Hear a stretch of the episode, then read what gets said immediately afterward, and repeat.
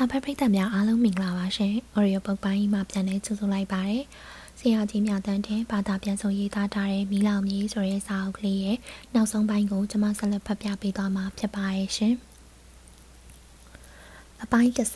30 Empire Law Democracy Law အခန်း1လွတ်လပ်သောတရုတ်ပြည်၏အလားအလား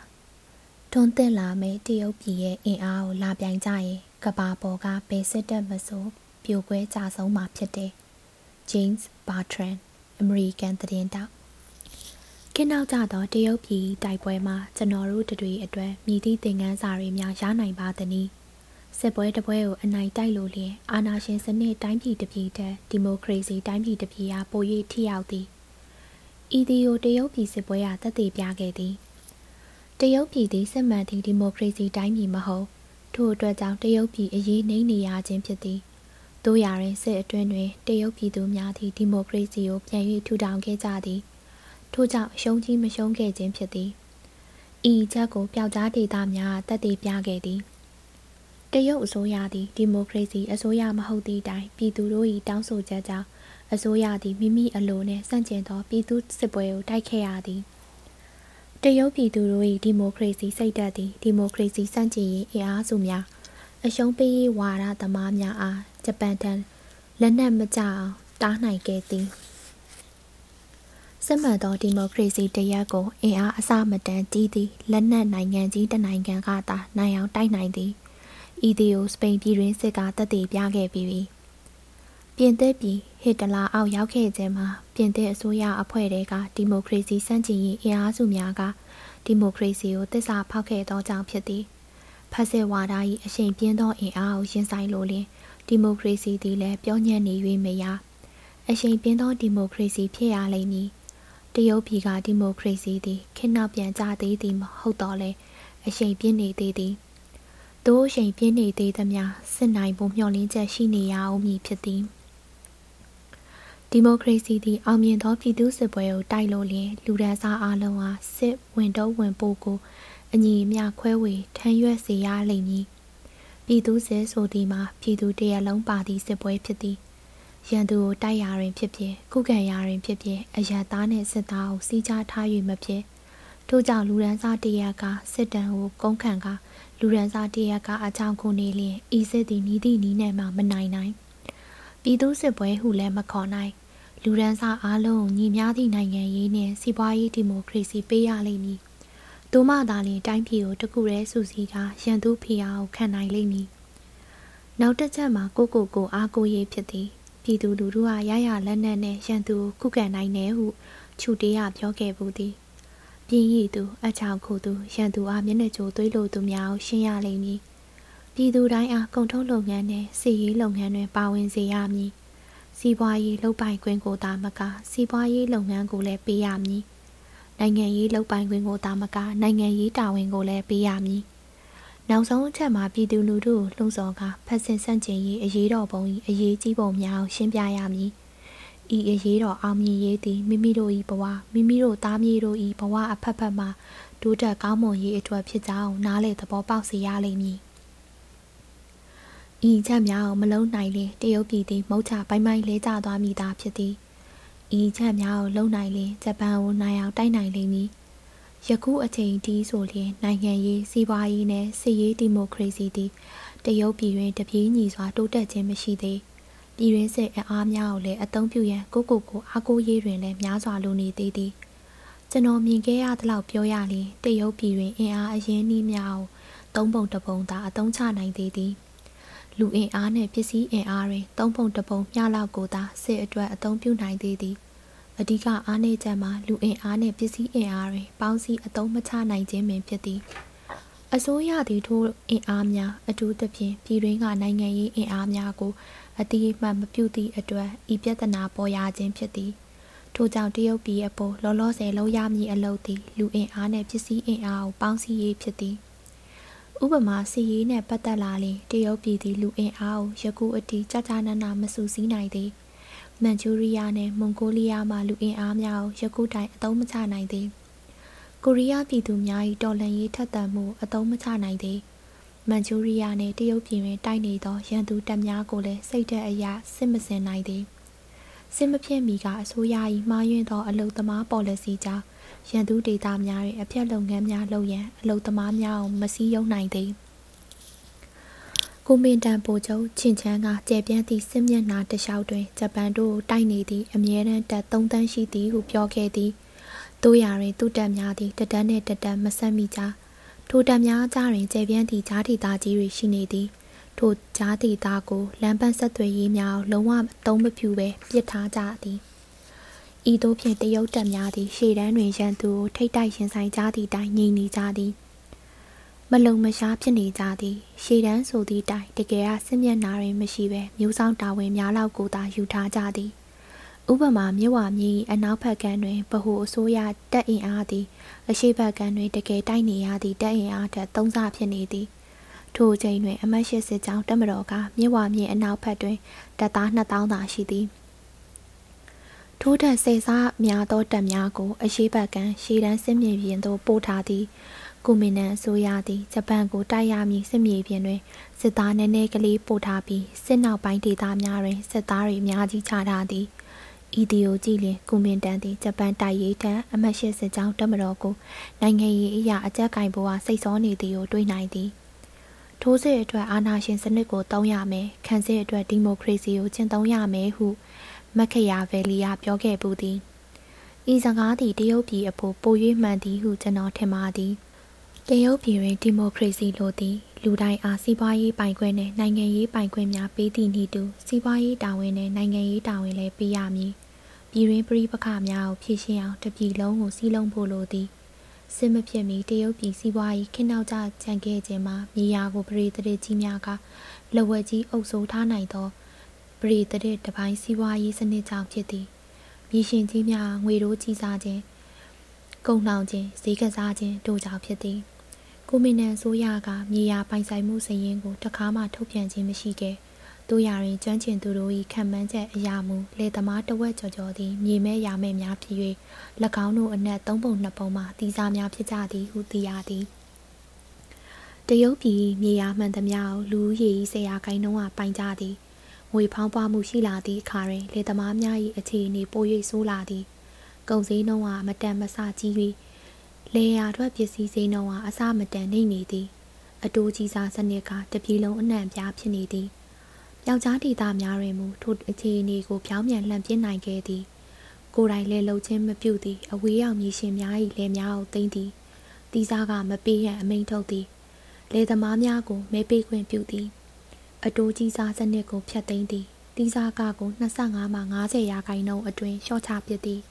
ကျွေးဟောင်းများကိုလျှော့ပစ်သည်ကုံလောင်ခြင်းဈေးကစားခြင်းကိုပြင်းထန်စွာအရေးယူဖြစ်သည်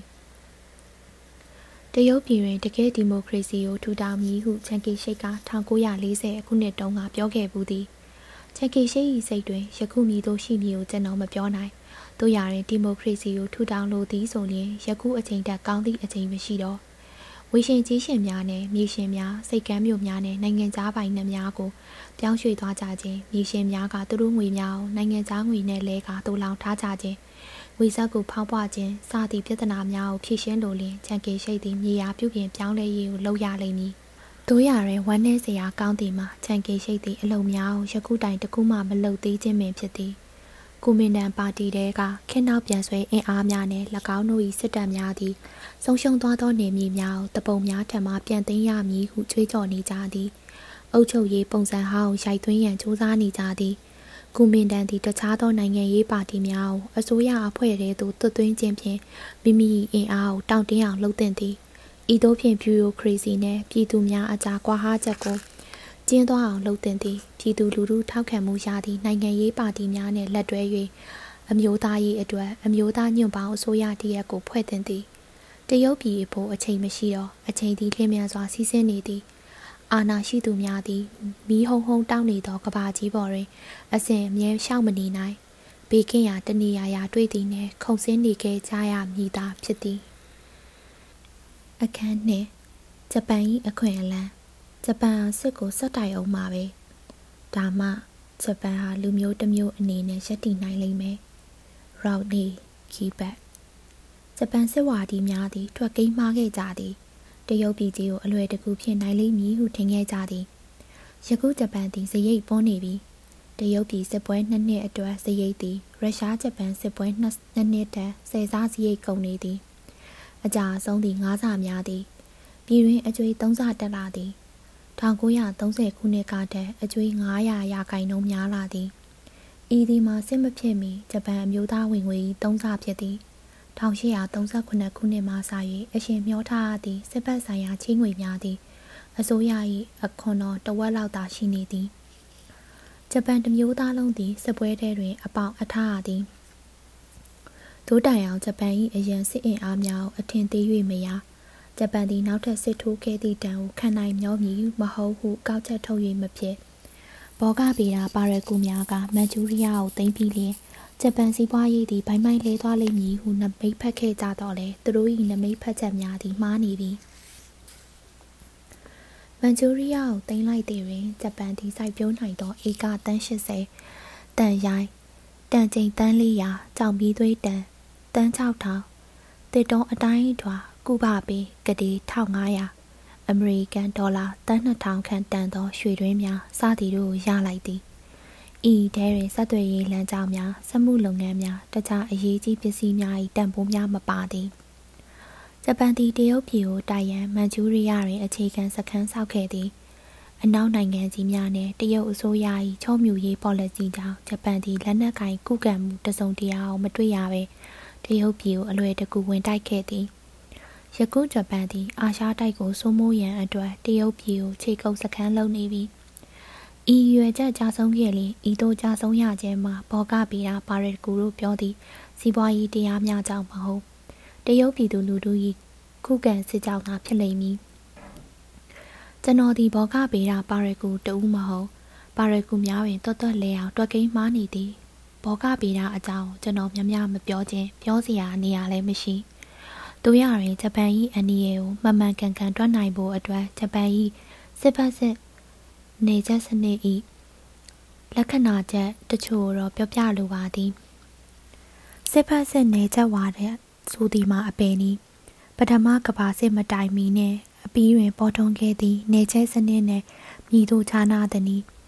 ထုတ်ကုန်တင်ပို့သူများနဲ့အရင်းရှင်အစုများသည်ရောင်းကုန်ပစ္စည်းအပိုများနဲ့အရင်းနှီးကိုစုဆောင်းမိလာကြသည် ပြည်တွင်းစေခွက်တွင်ရောင်းမကုန်နိုင်အောင်များလာသည်ဤခါတွင်သူတို့အဖို့အမျက်ဆွန်းရသောပြည်တွင်းဈေးကွက်များကိုအသက်ဖန်တီးဖို့လိုလာသည်လက်နက်ပစ္စည်းများကိုအစိုးရဝယ်ဖို့လိုလာသည်တပြိုင်နက်တည်းမှာပင်ကင်းနောက်ကျသောကိုလိုနီတိုင်းပြည်များတွင်နိုင်ငံခြားဈေးကွက်များလိုလာသည်ဤသို့ဖြင့်နေကျစစ်ပွဲများပေါ်ပေါက်လာခဲ့ကြခြင်းဖြစ်သည်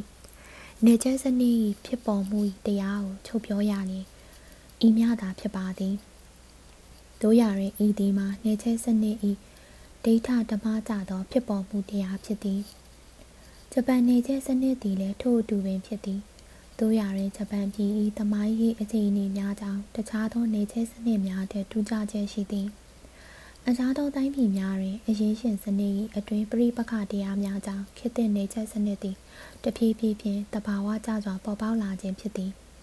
အရေးရှင်စနစ်ကိုအလုံကျွေးပြုရန်အတွက်လက်နက်ကင်အင်အားစုများကိုဖန်တီးကြရသည်။သူရရင်ဂျပန်နေချိတ်စနစ်ကမှုတဖြည်းဖြည်းရှောင်တခင်ပေါ်ပေါက်လာခြင်းမဟုတ်ဂျပန်၏ပြည်တွင်းစည်းကွက်သည်ပရိတရက်တပိုင်းစီးပွားရေးစနစ်ကန့်သက်မှုများကြောင့်တကြားအရင်ရှင်ကဘာတွင် နောက်ပေါ်ရွှေကြားပင်ဖြစ်နေသည့်အတွက်ကြောင့်တကြားဂျပန်သည်နေချဲစနစ်ကိုမထူထောင်ရမဖြစ်တော့သည့်အခြေအနေကိုရောက်လာသည်ဤချက်ကိုဂျပန်အုပ်စိုးသူလူဒန်းစားကတတိထားမိသည် ဤသည်နှင့်အညီစီမံကိန်းရှိရှိဖြင့်ဂျပန်နေချဲစနစ်ကိုထူထောင်ခဲ့ခြင်းဖြစ်သည်ခေတ်သစ်ဂျပန်ကြီးတပ်နှင့်ရှေ့တပ်သည်ပရိသရေအုပ်စိုးသူမျိုးစုຫນွေစုမှပေါ်ပေါက်လာခြင်းဖြစ်သည်ဂျပန်ပြည်တွင်ဖွဲ့စည်းအုပ်ချုပ်ပုံဥပဒေကိုပြဋ္ဌာန်းလိုက်သည့်အခါ၌ကြီးတပ်နှင့်ရေတပ်သည်ဂျပန်ဧကရစ်ကိုမှအပါတခြားမည်သူကိုမှနာခံစရာမလိုတော့တို့ဖြင့်နိုင်ငံတော်သည်စစ်တပ်ဘျူရိုကရေစီရန်နေရာမြေရှင်ကြီးများနှင့် ဘရင်ဆွေတော်မျိုးတော်တို့၏လက်ထဲသို့ရောက်လာသည်။သူတို့အားလုံးသည်ဂျပန်ကိုအင်ပါယာကြီးအဖြစ်ထူထောင်လိုကြသည်နိုင်ငံခြားနေမြေများကိုသိမ်းပိုက်ကာအရှင်သခင်နိုင်ငံတော်ကြီးကိုထူထောင်လိုကြသည်သို့ဆိုလျှင်ပရိသတ်တပိုင်းကုံသွေးရေးတပိုင်းအရင်အနည်းကိုစစ်ဆက်သွင်းမှဖြစ်မည်ဂျပန်အင်ပါရာထူထောင်ရေးပထမခြေလှမ်းအဖြစ်1895ခုနှစ်တွင်ရုရှားကိုဝင်တိုက်ခဲ့သည် ဗြိတိရှားဗန်တိုက်ကြီးများကမန်ချူးမင်းဆက်သို့ထုတ်ချီးထားသောငွေများထဲမှဂျပန်သည်ချင်းငွေများရခဲ့သည်ကိုရီးယားမှလည်းနေမြေတချို့တဝက်ကိုရခဲ့သည်ဤသို့ဖြင့်ဂျပန်သည်အရင်ရှင်နိုင်ငံကြီးတစ်ခုဖြစ်လာခဲ့သည်နိုင်ငံခြားဗန္ဒာရင်းရှင်ကြီးများ၏အကူအညီဖြင့်ဂျပန်သည်ဇာဘီရင်ရုရှားကို1904ခု1905ခုတွင်ဝင်တိုက်ရန်အနိုင်ရခဲ့သည်ဤသို့ဖြင့်ကမ္ဘာလက်နက်နိုင်ငံကြီးစည်ရင်းထဲသို့ဝင်လာခဲ့သည် ရုရှားဂျပန်စစ်ပွဲအတွင်း၌ဂျပန်သည်ရခင်ဘတ်ဂျက်တန်စေစားပို့သုံးခဲ့သည်အင်ငွေများကိုပြည်တွင်းမှချီကလက်နက်ဆက်ယုံများစက်သွေးရေးလုပ်ငန်းများတထုတူးဖော်ရေးနှင့်အသေးစားစက်မှုလုပ်ငန်းများတွင်သုံးခဲ့သည်တို့ရတွင်ပရိသတ်လက္ခဏာဆောင်သည့်နေရာစနစ်ကိုမူပြောင်းလဲခြင်းမရှိ1973ခုနှစ်တွင်ဂျပန်ပြည်ရှိနိုင်ငံခြားအရင်းအနှီးသည်ဆယ်စားတိုးလာခဲ့သည်နေမြေသိမ်းပိုက်မှုလည်းဆယ်စားတိုးလာသည် ချင်းငွေများမှာအများအပြားဗြိတိရှဘဏ်များမှဖြစ်သည်ထို့ကြောင့်ဗြိတိရှသည်ဂျပန်အရင်းရှင်စနစ်ကိုအုံမြင့်ချပေးခဲ့သူဟုဆိုနိုင်သည်ဂျပန်ပြည်ကိုစက်မှုတက်ဆင်ခြင်းအကောက်အခွန်တိုးကောက်ခြင်းလယ်သမားများအားကြီးလေးသောအခွန်များကောက်ခဲ့ခြင်းအစိုးရရင်းနှီးမြှုပ်နှံငွေများထည့်ခြင်းစသည်တို့ကြောင့်ဂျပန်အရင်းနှီးသည်နိုင်ငံခြားဈေးကွက်များတိုးချဲ့လာခဲ့ကာအမြတ်အစွန်းအများပြားရလာခဲ့သည်ပထမကမ္ဘာစစ်တွင် ဂျပန်၏စက်မှုအရင်းနှီးမြှုပ်နှံမှုသည် ယန်တင်ကာတန်း1400အထိတိုးလာခဲ့သည်ဂျပန်သည်ပထမဦးဆုံးအကြိမ်ဖြင့်မီရှင်ဖြစ်လာခဲ့သည်တထုတူဖော်ရေးတင်မောတီဆောင်ရေးနှင့်လျှက်စစ်စက်မှုလုပ်ငန်းတို့တိုးတက်လာခဲ့သည်ဂျပန်၏လျင်မြန်စွာတိုးတက်မှုတွင်အဓိကမောင်းနှင်ရေးအင်အားစုနှင့်စစ်နှင့်အင်ပါရာတိဆောက်ရေးစိတ်ဓာတ်ဖြစ်သည် နိုင်ငံရေးအရပရိသတိစန့်ကျင်ရေးအင်အားစုများနှင့်ဒီမိုကရေစီအင်အားစုများကိုနှိပ်ကွပ်သည်စီးပွားရေးအရာပြည်ပစည်းကွက်တင်များကိုရှာသည်ပြည်ပတွင်ဂျပန်နေကျဲမှုကိုပြည်သူကားမှဟန်တားခြင်းမပြုကြသည့်အခါတွင်ပြည်တွင်း၌လည်းဒီမိုကရေစီအင်အားစုကိုအားနည်းသည့်ထက်နည်းလာခဲ့သည်စစ်တပ်မြေရှင်ကြီးနှင့်ဗျူရိုကရေစီသည်ဂျပန်၏အထူးကမောင်းနှင်ရေးအင်အားစုများဖြစ်လာကြသည်၎င်းတို့အချင်းချင်းကြားတွင်ကွဲပြဲမှုများရှိတော်လဲအကြက်အတဲစိုက်လင်း ပေါင်းစည်းသွားမိတတ်ကြသည်ပြည်တွင်းဒီမိုကရေစီတော်လှန်ရေးတရက်ကိုတားဆီးသည့်အနေဖြင့်စစ်ကိုတိုက်ကြသည်1932ခုနှစ်တွင်နိုင်ငံခြားစည်းကွက်များပြုတ်သွားပြီးပြည်တွင်းအခြေအနေဆိုးရွားလာသောအခါတွင်ဂျပန်ပြည်ကထိုနိုင်ငံ၏အင်အားစုများသည်မန်ချူရီးယားစစ်ပွဲကိုတိုက်၍ထွက်ပေါက်ရှာခဲ့သည်။တို့ဖြစ်၍1938ခုနှစ်တွင်တရုတ်ပြည်ကိုဘာကြောင့်ဝင်တိုက်သည်။အကြောင်းများစွာရှိသည်ထိုစဉ်တရုတ်စက်မှုလုပ်ငန်းသည်ရင်းစားပြန်ရလာက တရုတ်ပြည်တွင်ဈေးကွက်တနည်းဂျပန်၏ပြည်ပဈေးကွက်ကိုပြန်ယူခဲ့သည်။မန်ချူရီးယားစစ်ပွဲကလည်းဂျပန်လက်ဝဲကြီးအုပ်အရင်းရှင်စနစ်အကြက်အတဲကိုမဖြေရှင်းနိုင်။ဂျပန်လွတ်တော်တဲ့ဒီမိုကရေစီကလည်းမရေတရေဖြင့်ခေါင်းထောင်စားပြုလာကဂျပန်စစ်အုံစရိတ်ကိုဟန်တာပိတ်ဆို့လာသည်။ဂျပန်ပြည်သူလူထုကလည်းပြုပြင်ပြောင်းလဲမှုများလုပ်ရန်တောင်းဆိုလာသည်စစ်တပ်ကစစ်လက်နက်လုပ်ငန်းများကိုလုပ်ရန်လူတလောက်ငွေမရသောအခါ အကြောင်းပြချက်ရအောင်ပြည်ပတွင်အရေးခင်းတစ်ခုဖန်တီးဖို့လိုလာသည်ဤသည်တို့ကြောင့်တရုတ်ပြည်ကိုတိုက်ချင်းဖြစ်သည်ဂျပန်နေချက်စနစ်တွင်ထူးခြားချက်တစ်ခုရှိသည်ဘရင်ဧကရေသို့မဟုတ်ဘရင်ဧကရေရွှေတိုက်သည်အရင်ရှင် project များလုပ်ငန်းများတွင်အစုရှယ်ယာတဝက်ကျော်ခန့်ပါနေပြီးတိမ့်ပိုက်ပြီးသည့်နေမြေများမှာအကျိုးမြတ်များကိုလည်းတဝက်ခန့်ရနေခြင်းဖြစ်သည်တခြားတဝက်ကိုဂျပန်လက်ဝက်ကြီးအုပ်အရင်ရှင်များကပိုင်ကြသည် မန်ချူရီးယားကိုသိမ်းပြီးသည့်အခါတွင်အစိုးရနှင့်ပုဂ္ဂလိကယင်းနှီးမြှုပ်နှံရာသို့စစ်တပ်ကလည်းအစုရှယ်ယာတော်တော်များများထည့်လာခဲ့သည်ဤသို့ဖြင့်မန်ချူရီးယားကိုအမိပြုကာဂျပန်စစ်တပ်သည်ပြည်တွင်းစီးပွားရေးတွင်အတန်ကျလာခဲ့သည်မန်ချူရီးယားသို့ရောက်လာသည့်ဂျပန်အရင်းနှီးမှန်သမျှကိုစစ်ဆက်သွင်းပစ်ခဲ့သည်ပြည်ပဈေးကွက်ကိုတိုးချဲ့ဖို့စစ်တပ်၏အာဏာကိုတိုးချဲ့ဖို့လုပ်ရင်းလုပ်ရင်းဖြင့်ဂျပန်စစ်တပ်သည်အလှမ်းကျလာသည် စီးပွားရေးမဆန်သောလုပ်ငန်းများစီရေးလုပ်ငန်းများကြောင့်ဂျပန်ပြည်တွင်ကျွေးထုတည်ထက်ထူလာခဲ့သည်ပြည်သူလူထုကဤလုပ်ငန်းကိုထောက်ခံရန်အတွက်ဂျပန်စစ်တပ်သည်တရုတ်ပြည်ကိုတိုက်ခဲ့ခြင်းဖြစ်သည်။ဤသည်မှာတရုတ်ပြည်ကိုဂျပန်တိုက်ရသည့်စီးပွားရေးအကြောင်းများအနက်တချို့ဖြစ်သည်တို့ဖြင့်ဂျပန်သည်မန်ချူရီးယားကိုသိမ်းပြီးသည့်နောက်မှစ၍နေချက်စနစ်ဟောင်းနှင့်အခြေခံအားဖြင့်ကွဲသွားသည်စစ်တပ်ကအရင်းနှီးကိုလက်ဝဲကြီးအုပ်လာခဲ့သည် မြည်သည့်လုပ်ငန်းများတွင်အရင်းနှီးမြှုပ်နှံရမည်ဟုဩဇာပေးလာသည်လုပ်ငန်းများအားလုံးကိုစစ်တပ်ကအဓိကလှုပ်လာသည် အစိုးရအခွန်များကိုကောက်လာခဲ့သည်အီရန်ဂျပန်အုပ်စိုးမှုသည်စစ်ဖက်စစ်ဝါဒဖြစ်လာခဲ့သည်ဤသည်မှာဒိဋ္ဌရှိသည့်အချက်အလက်များဖြစ်သည်ဂျပန်အုပ်စိုးသူလူဒန်းစားနှင့်စစ်တပ်သည်တရုတ်ကွန်မြူနှင့်ဖိနှိပ်မှုကဲတင်ရေးအရှိအာရှတွင်စနစ်တစ်တစ်ခုထူထောင်ရေး နေကျသွေးဆုံမှုကိုတုတ်တင်ရေးစသည့်ကြွေးကြော်သံများဖြင့်ဖုံးကားတရုတ်ပြည်ကိုဝင်တိုက်ခဲ့သည်ဂျပန်လူငယ်များစာမူရိုင်းစိတ်ဓာတ်ကိုပြန်သွင်းပေးခဲ့သည်ဂျပန်ကြီးတပ်နှင့်ရေတပ်တို့သည်နိုင်ငံတော်အစိုးရ၏လက်ဝဲကြီးအုပ်အရင်စသည်တို့နှင့်ခွဲမရအောင်ဆက်ဆက်နေသည်စစ်တပ်သည်ကုန်ထုတ်လုပ်ငန်းအများစုကြီးကိုပိုင်နေသည်အထူးသဖြင့်လက်နက်ထုတ်လုပ်ရေးလုပ်ငန်းကြီးများကိုပိုင်နေသည်အီရင်စစ်တပ်၏ကိုပိုင်စီးပွားရေးဈေးကွက်များကိုတိုးချဲ့လာဖို့လိုလားသည် စီးပွားရေးသမားများအနေနဲ့စစ်တပ်ခေါင်းဆောင်များသည်သူတို့အိတ်ကတ်တဲသို့အမြန်များများပြန်ထည့်စေခြင်းသည်ထိုအခါတွင်ဂျပန်စစ်တပ်သည်နှင်းနှီးချင်းရသောနီလန်းများကိုမကြိုက်တော့ကုံသွင်းမှုအရင်မြုပ်နှံမှုစသည့်နီလန်းများကိုကျော်လွှားကာပြောင်လူရက်လာတော့သည်တရုတ်ပြည်တွင်ဆိုလျင်ဂျပန်စစ်တပ်သည်ငွေအရင်းနှီးကိုသာသိမ်းယူရုံမျှမကလုံအားအပါဝင်ကုန်ထုတ်လုပ်တစားပလာများနှင့်တကွာရှိရှိသမျှဥစ္စာတနာတို့အတင်းသိမ်းယူခဲ့သည် တရုတ်အရင်းရှင်ကိုသာမကနိုင်ငံခြားအရင်းရှင်တို့၏ပစ္စည်းများကိုသိမ်းရန်ပြီးကြံရွယ်လာခဲ့သည်စစ်ပြီးသည့်နောက်မကြာမီတွင်ဂျပန်သည်နိုင်ငံခြားချင်းငွေများကိုအာမခံထားသည်တရုတ်အစိုးရအခွန်တော်များအများစုကိုသိမ်းခဲ့သည်တရုတ်အစိုးရပိုင်ရွှေနှင့်ငွေများကိုလည်းသိမ်းခဲ့သည်ငွေသားများမှာအမေရိကန်ကဝယ်ပြီးသားများဖြစ်သည်ထိုများမကဂျပန်သည်စက်မှုထုတ်လုပ်ရေးလုပ်ငန်းများသိမ်းပြီးဖြန့်ဖြူးရေးလုပ်ငန်းများအားလုံးကိုလက်ဝဲကြီးအုပ်ခဲ့သည် တတုအရင်မြင့်များနှင့်ပုပ်ပလိကငွေသေးအရင်အနီးမြုပ်နှံမှုအားလုံးကိုလည်းသိမ်းခဲ့သည်တရုတ်ပြည်မှဂျပန်သိမ်းယူသည့်တနာဥစ္စာသည်ဒေါ်လာတန်ထောင်ပေါင်းများစွာရှိသည်ဤမြကြီးမားသောအရင်းနှီးများကိုဝေါ်လန်းမှလည်းချင်းငား၍ရမည်မဟုတ်မြည်သည့်ပံကမှလည်းချင်းငား၍ရမည်မဟုတ်ထိုများမကသည်ပြည်တွင်းတွင်ဂျပန်သည်တရုတ်ကုန်သည်ကလေးများနှင့်အရင်းရှင်လူဒန်းစားအလွှာအားလုံးကိုအပြတ်ရှင်က၎ င်းတို့၏ဥစ္စာတနာကိုသိမ်းယူသည်ပြည်ပတွင်တရုတ်ပြည်ကိုဝင်လွယ်သည့်နိုင်ငံခြားရင်းနှီးများကိုကန့်သက်ပစ်ခဲ့သည်ဤတန်ဖိုးသည်အမေရိကန်ဒေါ်လာတန်2000ခန့်ရှိသည်တို့ရရင်ဂျပန်သည်ဤလုပ်ငန်းများအရင်းနှီးများကိုတင်ထားရန်အမေရိကန်ဗြိတိန်စသည်တို့နှင့်ထိတ်တိုက်ရင်ဆိုင်ဖို့အစဉ်သင့်ဖြစ်ရလိမ့်မည်ဂျပန်သည်ဤသို့ရင်ဆိုင်ရန်အင်အားရှိပါ၏လောမရှိဟုအထင်သေး၍မရ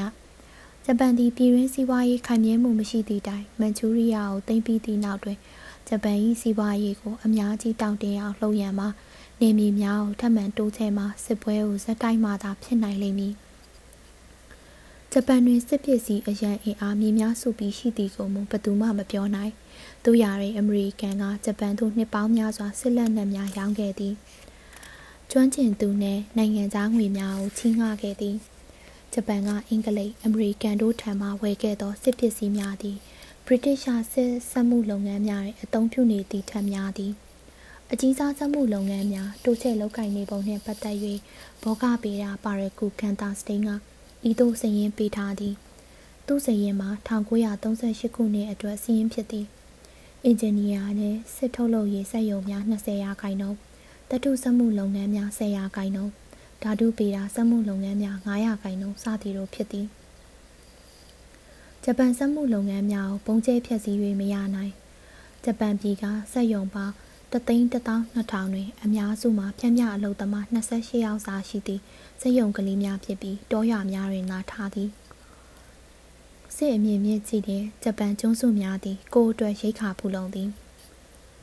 စစ်ပစ္စည်းအရန်အင်အားသည်နိုင်ငံကြီးတစ်ခုနှင့်နှစ်နှစ်စာစစ်တိုက်နိုင်အောင်လုံလောက်သည်အရှိအာရှတိုက်ကိုတင်ပြီးလျင်ဂျပန်၏စစ်စည်းဝါးရေးသည်ဘာမှပူစရာမရှိတော့စစ်ကိုစိတ်ချလက်ချတိုက်နိုင်သည်ဂျပန်တွင်အရှိတောင်အာရှကိုတိုက်နိုင်သည့်အရန်လူအင်အားလေးရှိသည်တရုတ်ပြည်စစ်ပွဲတွင်ဂျပန်တပ်သား၈သိန်းတန်ရာရကြဆုံးခဲ့သည့်တိုင်နှစ်စဉ်စစ်တပ်ထဲသို့ဝင်နိုင်သည့်လူငယ်၄သိန်းတိုးနေသည် ရုရှားစစ်အကဲခတ်များကမူဂျပန်သည်စစ်သား6တန်းရအောင်စုနိုင်သည့်အခြေအနေရှိသည်ဟုခန့်မှန်းကြသည်ယခုလက်ရှိစစ်အင်အားမှာတပ်သား12သိန်းနှင့်စစ်သည်နှံပေးပြီးအရန်3တန်းရှိနေသည်ဟုခန့်မှန်းရသည်ဂျပန်၏အာရှတိုက်လွှမ်းမိုးရေးစီမံကိန်းတွင်အဓိကဟာကွမ်းမှာစီးပွားရေးလည်းမဟုတ်စီးရေးလည်းမဟုတ်နိုင်ငံရေးဖြစ်သည်ဂျပန်၏နိုင်ငံရေးနှီးပရိယသည်ပျော့ကွက်ဖြစ်နေသည် အထွေထွေစစ်ပွဲတစ်ခုအတွင်းတွင်ဤသုံးခုကိုတစ်ခုစီခွဲ၍မရနိုင်ဂျပန်၏နိုင်ငံရေးဖြူဟာအမှားသည်တရုတ်ပြည်တွင်အထင်ရှားဆုံးဖြစ်သည်ဂျပန်သည်တရုတ်ပြည်ကိုစစ်တိုက်သည်တွင်ညီသည့်လူဒန်းစားကိုမှမဟာမိတ်မဖွဲ့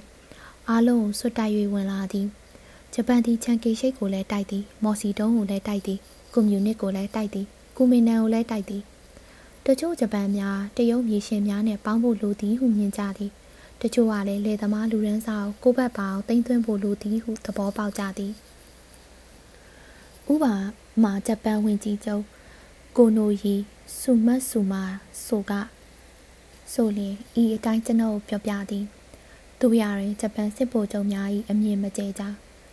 လူရက်ဖို့လောက်ကိုသာစိတ်စောကမြေရှင်လေသမားကုံတဲ့ဗန်လုပ်ငန်းရှင်ကျောင်းသားအလုပ်သမားစသည်ဖြင့်မဲမဲမြင်သမျှကိုတိုက်ကြသည် ဤသို့ဖြင့်တရုတ်လူမျိုးတစ်မျိုးလုံး၏ရန်သူဖြစ်လာခဲ့သည်ဂျပန်၏ဝါဒဖြန့်ကျက်များကလည်းမတီးရဂျပန်သည်ကွန်မြူနစ်စန့်ကျင်ရေးကိုကွန်မင်တန်တက်များတဲ့တွင်ကျဲချရမည့်အစားချန်ကေရှိတ်စန့်ကျင်ရေးစာရွက်များကိုကွန်မြူနစ်တက်များတဲ့တွင်ကျဲချင်းဖြင့်ပြောင်းပြန်လုပ်ခဲ့ပူသည်ဤကရိကိုးကွယ်မှုဂျပန်လူမျိုးများသည်နေနက်သားမှဆင်းသက်လာသည်ဆိုသောဝါဒဖြန့်မှုအားလည်းတရုတ်လူမျိုးကိုနာကြီးစေသည်စင်စစ်ဂျပန်သည် လူမျိုးချင်းသွေးစည်းညီညွတ်ရမည်ဟုသောဆောင်ပုဒ်ကိုလက်တွေ့လုံးနိုင်ရင်ဤမြအခြေအနေစိုးပွဲမရှိကွန်မင်တန်ပါတီတဲကဖက်စစ်များသည်ဂျပန်တို့၏ကွန်မြူနစ်စန့်ကျင်ရေးလုပ်ငန်းကိုအလွန်သဘောကျကြသည်တို့ရရင်ဂျပန်သည်သူတို့ကိုလည်းကွန်မြူနစ်များနှင့်တဒန်းနှင့်ထားဖိတိုက်သည်အလားတူပင်အနောက်နိုင်ငံများကိုလည်းရရနေရာမှတိုက်သည်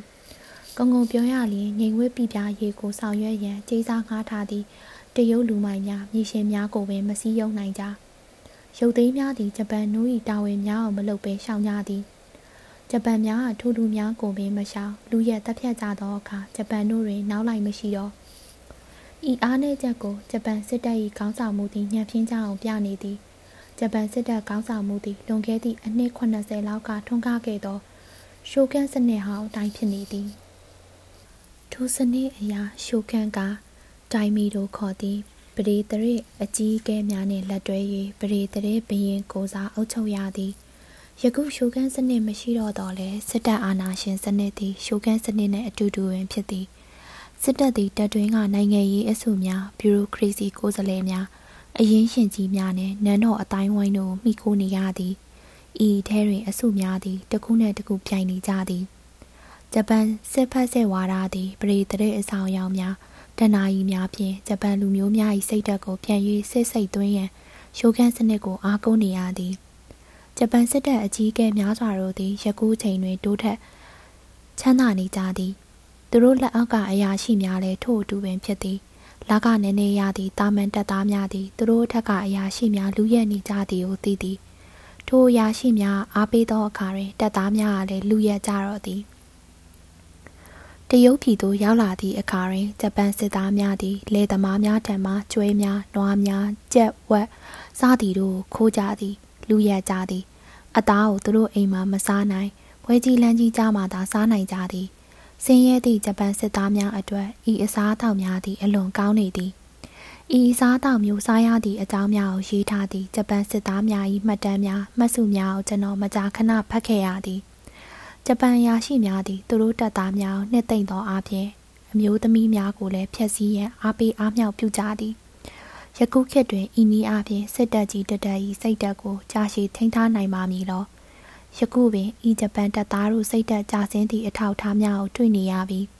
စစ်ပွဲစမှာပင်ဂျပန်စစ်သားများသည်နိုင်ငံရေးအရာလေ့ကျင့်ထားသည့်တရုတ်စစ်သားအမတ်၈စစ်ကြောင်းတမတော်သားကိုလက်စွပ်တိုက်ပွဲတွင်ရင်မဆိုင်ရဲကြ စစ်အကဲခတ်များ၏အဆိုအရဂျပန်စစ်တပ်အားနည်းချက်များမှာစစ်တပ်ရာတွင်တီထွင်မှုစိတ်ကူးမရှိခြင်းရန်သူ၏တိုက်စွမ်းရည်ကိုအထင်သေးခြင်းအပင်ပန်းမခံနိုင်ခြင်းလက်အောက်အရာရှိများတွင် ကောင်းဆောင်မှုမရှိခြင်းခဲယမ်းပြီးကြောင်းဖြုတ်တီးခြင်းစသည်တို့ဖြစ်သည်ဂျပန်စစ်တပ်သည်ဤနည်းအားဖြင့်ပရိသတ်အစဉ်အလာလေ့ကျင့်မှုအစီကံစသည်တို့ဖြင့်ဖုံးထားသည်ဂျပန်ရာရှိများသည်မိမိတို့ချင်းရင်တပ်များ၏ တိုက်ခိုက်ရေးစိတ်ဓာတ်ကိုမယုံကြည်ကြဟုဆိုဗီယက်စစ်အကဲခတ်များကကျွန်တော်ကိုပြောပြကြသည်ရန်သူစခန်းကိုချင်းရင်တပ်ကဝင်တော်မည်ဆိုလျှင်အမြောက်များဖြင့်ပြည့်၍ဖျက်ဆီးကြသည်ပျက်စီးသွားသည့်တိုင်ချင်းရင်တက်သည်မဝင်ရဲသည်အမြောက်ဆန်ဖြန်းကတရကြမ်းပစ်ပေးရသေးသည်ဒိုးတိုင်အောင်မဝင်ကြသည်တင်ကားများဝင်လာမှရန်သူစခန်းသို့ဝင်လေးရှိသည်အမြောက်ကြီးအားနှင့်တင်ကားအထောက်အကူမရှိဘဲမလွဲတာမရှောင်သာတိုက်စစ်ပြူရသည့်အခါမျိုးတွင် ဂျပန်စစ်တပ်သည်ခွက်ခွက်လန်အောင်ရှုံးတော်သည်နမဲကျော်တိအားချောင်းတိုက်ပွဲတွင်ဂျပန်တို့ဤနည်းဖြင့်ရှုံးခဲ့ခြင်းဖြစ်သည်ထို့ကြောင့်တိုက်ပွဲများတွင်ဂျပန်များအောင်မြင်မှုရခဲ့ခြင်းမှာတပ်သားတို့၏တိုက်ခိုက်ရေးစိတ်ဓာတ်ကြောင့်မဟုတ်ဘဲအလွန်ကြီးမားသည့်စက်မှုဖြစ်စည်းများလက်နက်သားလုံးမှုကြောင့်ဖြစ်သည်ဆိုရင်စစ်အကဲခတ်များလက်ခံကြလိမ့်မည်ဟုကျွန်တော်ထင်ပါသည်ဒိုးတိုင်အောင်တရုတ်ပြည်တွင်ဂျပန်အောင်မြင်မှုရခဲ့ခြင်းမှာပြပအကူအညီကြောင့်ဖြစ်ပါသည် တရုတ်ရှိုးကန်စနစ်သည်ဥရောပဖက်စစ်ဝါဒနှင့်အတူတူဖြစ်ပါသည်အစားပထမတွင်အကြီးဆုံးရန်သူသည်ပြည်တွင်းတွင်ရှိ၍အကောင်းဆုံးမိတ်ဆွေသည်ပြည်ပတွင်ရှိသည်ဂျပန်သည်နိုင်ငံကြီးများ၏များစွာသောအကူအညီများဖြင့်များစွာသောအောင်ပွဲများကိုရခဲ့သည်ဤသို့ဖြင့်ပြည်တွင်းကရန်သူသည်တဖြည်းဖြည်းစိတ်သက်သာအားနည်းသွားခဲ့သည်ဂျပန်စစ်တပ်၏80ရာခိုင်နှုန်းသည်လေသက်မှအိမ်အောင်စုမှလာသူများဖြစ်ကြသည်ဂျပန်ကမြေရှင် မိသားစုတသန်းခန့်သည်လေသမား80ရာခိုင်နှုန်းထံမှအကောက်ခွန်များယူနေကြသည်လေယာရွက်ပစ္စည်း90ရာခိုင်နှုန်းသည်မြေရှင်များအတိုးကြီးစားများအကောက်ခွန်များနှင့်အစိုးရထံသို့ရောက်သွားကြသည်စက်မှုလုပ်ငန်းတွင်တဒါစင်မျှသောလုပ်ငန်းရှင်များက90ရာခိုင်နှုန်းရှိသောအရင်အနည်းကိုပိုင်ထားကြသည်တိုးတိုင်အောင်ဂျပန်အုပ်စိုးသူများအပေါ်အတွင်းမှဖြုတ်ချမိအနေရမရှိသေးဂျပန်သည်အရှိတောင်အာရှတွင်စစ်ကို စက်တိုက်အုံးမြည်သားဖြစ်သည်ဂျပန်ထက်သားလုံးကြီးမားသည့်အင်အားစစ်မြေပြင်တဲ့နောက်ပိုင်းတွင်ဂျပန်တို့၏နိုင်ငံရေးအားနည်းချက်ကိုကျွမ်းကျင်စွာအသုံးချနိုင်သည့်စွမ်းရည်တို့ဖြင့်သာလျှင်ဂျပန်ထိုးစစ်ကိုတားနိုင်လိမ့်မည်အခန်းသုံးဘုရားသခင်ကမြည်သူကိုတန်ခတ်မြည်နီလူနေမှုစနစ်တစ်ခုသူ့ကိုယ်တွင်ပယောဂကမှအပတခြားဘသူကမှဖြည့်ဆည်းခြင်းမပြုနိုင်ဘူးဆိုတာတမိုင်းကသက်သေပြခဲ့တယ် Keynes ဘောဂဗေဒပညာရှင် အနောက်နိုင်ငံများ၏အာရှတိုက်ဆိုင်ရာ policy ကိုလုံးဝပြောင်းလဲပြရလိမ့်မည်ဟုကျွန်တော်ထင်သည်။ဤအကြောင်းကိုမရေးမီအာရှတိုက်တွင်အနောက်နိုင်ငံတို့မှားခဲ့ကြသောမဟာအမှားကြီးများကိုကျွန်တော်အချင်းချုပ်၍ဆွေးနွေးလိုသည်။အာရှနှင့်ဥရောပ၏ပြဿနာသည်ဆက်နေသည်။တကူစီ၏ပြဿနာကိုတိကျရှင်း၍မရဆက်ဆက်ရှင်းမှပြေလည်နိုင်လိမ့်မည်။လက်ရှိပရိပခများသည်ပထမကဘာစစ်ကြီး၏အဆက်ဖြစ်သည်။အခြားသောအချက်အလက်အသေးစိတ်ကိုဤစာအုပ်တွင်ဖော်ပြရန်ကျွန်တော်မရည်ရွယ်။ တကူသာကျွန်တော်ပြောချင်သည်ရင်းမှာအခြားမဟုတ်လက်ရှိပြဿနာများပေါ်ပေါက်နေခြင်းသည်ကိုလိုနီနယ်ချက်စနစ်ကြောင့်ဖြစ်သည်ဆိုသည့်အချက်ဖြစ်သည်ယခုလက်ရှိကဘာကြီးတွင်အုပ်စိုးသူအရှင်သခင်လူမျိုးများသည်လက်အောက်ခံလူမျိုးများကိုကျွံပြူထားရေးအတွက်တူးကိုတူးတိုက်ခိုက်နေကြသည်ကျွံပြူခံသူများမလွတ်လပ်သေးသမျှကဘာကြီးတွင်ငြိမ်းချမ်းရေးရမည်မဟုတ်ဗာစီးစာချုပ်သည်ပထမကဘာစစ်ကြီးကိုပြီးဆုံးစေခဲ့တော်လဲအရှိတိုင်းကကိုလိုနီစနစ်ကိုအဆုံးမသတ်နိုင်ခဲ့ တန်900ကျော်များရှိသောအာရှတိုက်သားများနှင့်တကွာအာရှတိုက်ကြီးသည်ဥရောပကိုလိုနီစနစ်အောက်တွင်ရှိနေဆဲဖြစ်သည်ပထမကဘာစစ်အပြီးတွင်ဗြိတိန်နှင့်ပြင်သစ်တို့သည်သူတို့စိတ်တိုင်းကြကဘာကြီးကိုခွဲဝေယူခဲ့ကြသည်1922ခုနှစ်တွင်ဝါရှင်တန်၌လက်နက်ဖြတ်သိမ်းရေးညီလာခံတရက်ကိုခေါ်ကာကိုးနိုင်ငံစာချုပ်ကိုချုပ်ခဲ့ကြသည်ဤစာချုပ်အရာတရုတ်ပြည်သည်တကားဖွင့်ဝါဒကိုဆက်၍လိုက်နာမြဲလိုက်နာရသည်သူမြေပေါ်တွင်နိုင်ငံခြားပိုင်နယ်မြေများကိုခွင့်ပြုထားခဲ့ရသည် ဤမတရားစာချုပ်ကိုဆွန်ရစင်ခေါင်းဆောင်သည့်အမျိုးသားတော်လှန်ရေးကတိုက်ခတ်ခဲ့တော်လဲမအောင်မြင်ခဲ့ထို့တော့တွင်ရုရှားနှင့်တရုတ်ကိုကျူးကျော်နေကျဲလိုသည့်ဂျပန်နေကျဲစနစ်၏အားထုတ်မှုများသည်ကြာဆုံးခဲ့ရသည်ဤသည်နှင့်အတူဂျပန်ပြည်တွင် liberal ဝါဒထွန်းကားလာခဲ့သည်မြေရှင်ပရိသတ်စနစ်ကိုတွန်းလှန်ရန်အားထုတ်ခဲ့ကြသည်ဤသို့ဖြင့်ဂျပန်စစ်ဝါဒနှင့်ဒီမိုကရေစီသည်အားပြိုင်ခဲ့ကြသည်1932ခုနှစ်တွင်ဒီမိုကရေစီသည်လုံးဝအရေးနှိမ်သွားခဲ့သည်။ နိုးကြားလာသောဂျပန်ပြည်သူများကိုထိတ်လန့်စာပြုလာသည့်ဂျပန်စစ်ဝါဒီနှင့်ဖောက်ပြန်ရေးသမားအရက်သားများသည်ဒီမိုကရေစီလှုံ့ဆော်မှုမှန်သမျှကိုနှိပ်ကွပ်ခဲ့ကြသည်။ပြည်သူတို့ကိုစစ်တဲ့နယ်မြေသိမ်းပိုက်ရေးအောင်ပွဲများစီသို့အာရုံပြောင်းပေးလိုက်သည်။အာရှ၏ဂျပန်စစ်ဖက်စစ်ဝါဒသည်ဤနေရာတွင်ဥရောပကနာဇီဖက်စစ်ဝါဒနှင့်အထူးတူပင်ဖြစ်သည်။ဂျပန်၏ဖက်စစ်ဝါဒသည်တံပြန်တော်လှန်ရေးဝါဒဖြစ်သည် ဂျပန်ဖက်စစ်ဝါဒသည်ပြည်တွင်းဒီမိုကရေစီအင်အားစုများအားကျွမ်းကျင်စွာလမ်းလွှဲပေးကာပြည်ပကသွေးဆုပ်သူများကိုချိန်မုံခြင်းဖြင့်မိမိတို့၏ဂျပန်ပြည်တွင်းအကြက်အတဲကိုဖြည့်ရှင်းသင့်သည်ဟုထွက်ပေါက်ရှာပေးလိုက်သည်ဤသို့ဖြင့်ပြည်တွင်းတိုက်ပွဲသည်နေချက်စစ်ကြီးကိုပေါ်ပေါက်စေခဲ့သည်ဂျပန်သည်လူဦးရေတန်း80ရှိသည့်စက်မှုတစ်ပိုင်းနိုင်ငံငယ်ကလေးဖြစ်သည်ကုန်ကျန်းများနိုင်ငံသားမှတင်ရသည် အပြင်ဘက်သို့လှမ်းကြည့်လိုက်သည့်အခါတွင်ဗြိတိန်ပြင်သစ်အမေရိကန်နှင့်ဆိုဗီယက်ယူနီယံတို့သည်ကမ္ဘာမြေကြီး60ရာခိုင်နှုန်းကမ္ဘာဝါထွက်၏90ရာခိုင်နှုန်းကမ္ဘာတန်ရိုင်းအထွက်၏80ရာခိုင်နှုန်းကမ္ဘာကြောင်မီးသွေးအထွက်၏84ရာခိုင်နှုန်းကမ္ဘာရေနံအထွက်၏86ရာခိုင်နှုန်းကမ္ဘာတံပြူနှင့်သွတ်အထွက်၏62ရာခိုင်နှုန်းဂျင်းနီအထွက်၏62ရာခိုင်နှုန်းရွှေအထွက်၏86ရာခိုင်နှုန်းပိုင်နေကြသည် သူတိုင်းပြည်တွင်လူဦးရေချက်တဲကစတူရန်တမိုင်ကို483ယောက်နေရချိန်တွင် ထိုတိုင်းပြည်များကမြေကြီးသည်မိတင်းနေထိုင်သူမရှိဘဲလွတ်နေသည်အာရှတိုက်တွင်လူပြူတို့ကလူညိုများအရှင်သခင်လုံးနေသည့်အနောက်တိုင်းဒီမိုကရေစီဆိုသည်ကိုဂျပန်မြင်သည်ဂျပန်ထက်30 3ဆလောက်ကြီးသည့်အရှိအိန္ဒိယကျွန်းစုတွင် dash အမျိုးသားထောင်အနှဲငယ်ခံသည် မဝါရေစာစားနေရသောတိုင်းရင်းသားတန်း60ကိုသွေးဆုပ်ကစုဖြိုးနေကြသည်အင်ဒိုချိုင်းနာတွင် ပြင်သစ်လူမျိုးထောင်နှဲငယ်သည် အလားတူဇယင်းနေကြသည်တောင်ပင်လယ်အထိရှိသောအရှိတောင်အာရှတွင် ထောင်အနှဲငယ်ရှိသောဗြိတိရှားလူကြီးလူကောင်းများသည်တန်ပေါင်းများစွာသောစတာလင်ပေါင်ကိုဖိတ်ယူနေကြသည်အရှိအာရှကဥစ္စာဒနာများကို ထိုသူများသည်အကြမ်းဖက်လူခဲ့ကြကြောင်းဂျပန်အုပ်စိုးသူများတတိထားမိခဲ့ကြသည် တို့ရာတွင်လက်သီးပြင်းပြင်းတစ်ချက်ဖြင့်ထိုးနိုင်လျင်ထိုဒေတာများသည်ရှိန်ပြီးသောဒေတာများမဟုတ်ကြောင်းကိုလည်းဂျပန်အုပ်စိုးသူများတတိပြုမိကြသည်ဤသို့ဖြင့်မီနာမီအာရာကီဟွန်ဂျိုစားသူတို့ခေါင်းဆောင်သည့်ဂျပန်စစ်ပြေများသည်အာဏာသိမ်းကဂျပန်ဒီမိုကရေစီကိုအရွယ်မရောက်ခင်လေမျိုးညှစ်သက်ခဲ့ကြသည်မူဆိုလိုနီသည်ဒုတိယရောမအင်ပါရာထူထောင်ရန်သဘောတရားတရက်ကိုထွင်ခဲ့သည် ဟေတလာသည်စัจ जा အလံကိုဂျာမနီပြည်ပေါ်တွင်လွှင့်တင်ခဲ့သည်1932ခုနှစ်တွင်ဂျပန်သည်မန်ချူရီးယားကိုစစ်ဖက်နှက်ဖြင့်နင်းခဲ့သည်ဂျပန်ကမန်ချူရီးယားကိုဝင်တိုက်သည့်အခါတွင်ဥရောပကမူဆိုလိုနီသည်အားတက်လာကအပီစီးနီးယားကိုဝင်သိမ်းမိသည်ဤသည်ကိုအင်္ဂလိပ်အမေရိကန်ပြင်သစ်စသည့်နိုင်ငံကြီးများလက်ပိုက်ကြည့်နေခဲ့သည်ထိုများမကချိန်ပါလိမ့်သည်မြို့နှင့်စာချုပ်ဖြင့်ချက်ကိုစလို ဗာကီယာကိုဟစ်တလာထံထိုးအပ်ခဲ့သည်ဤသည်မှစ၍အမှားများသည်တစ်ခုပြီးတစ်ခုစုပုံလာတော့သည်ကျွန်တော်သည်တလျှောက်လုံးမန်ချူရီးယားစစ်မြေပြင်တွင်တည်င်းယူခဲ့ပူသည်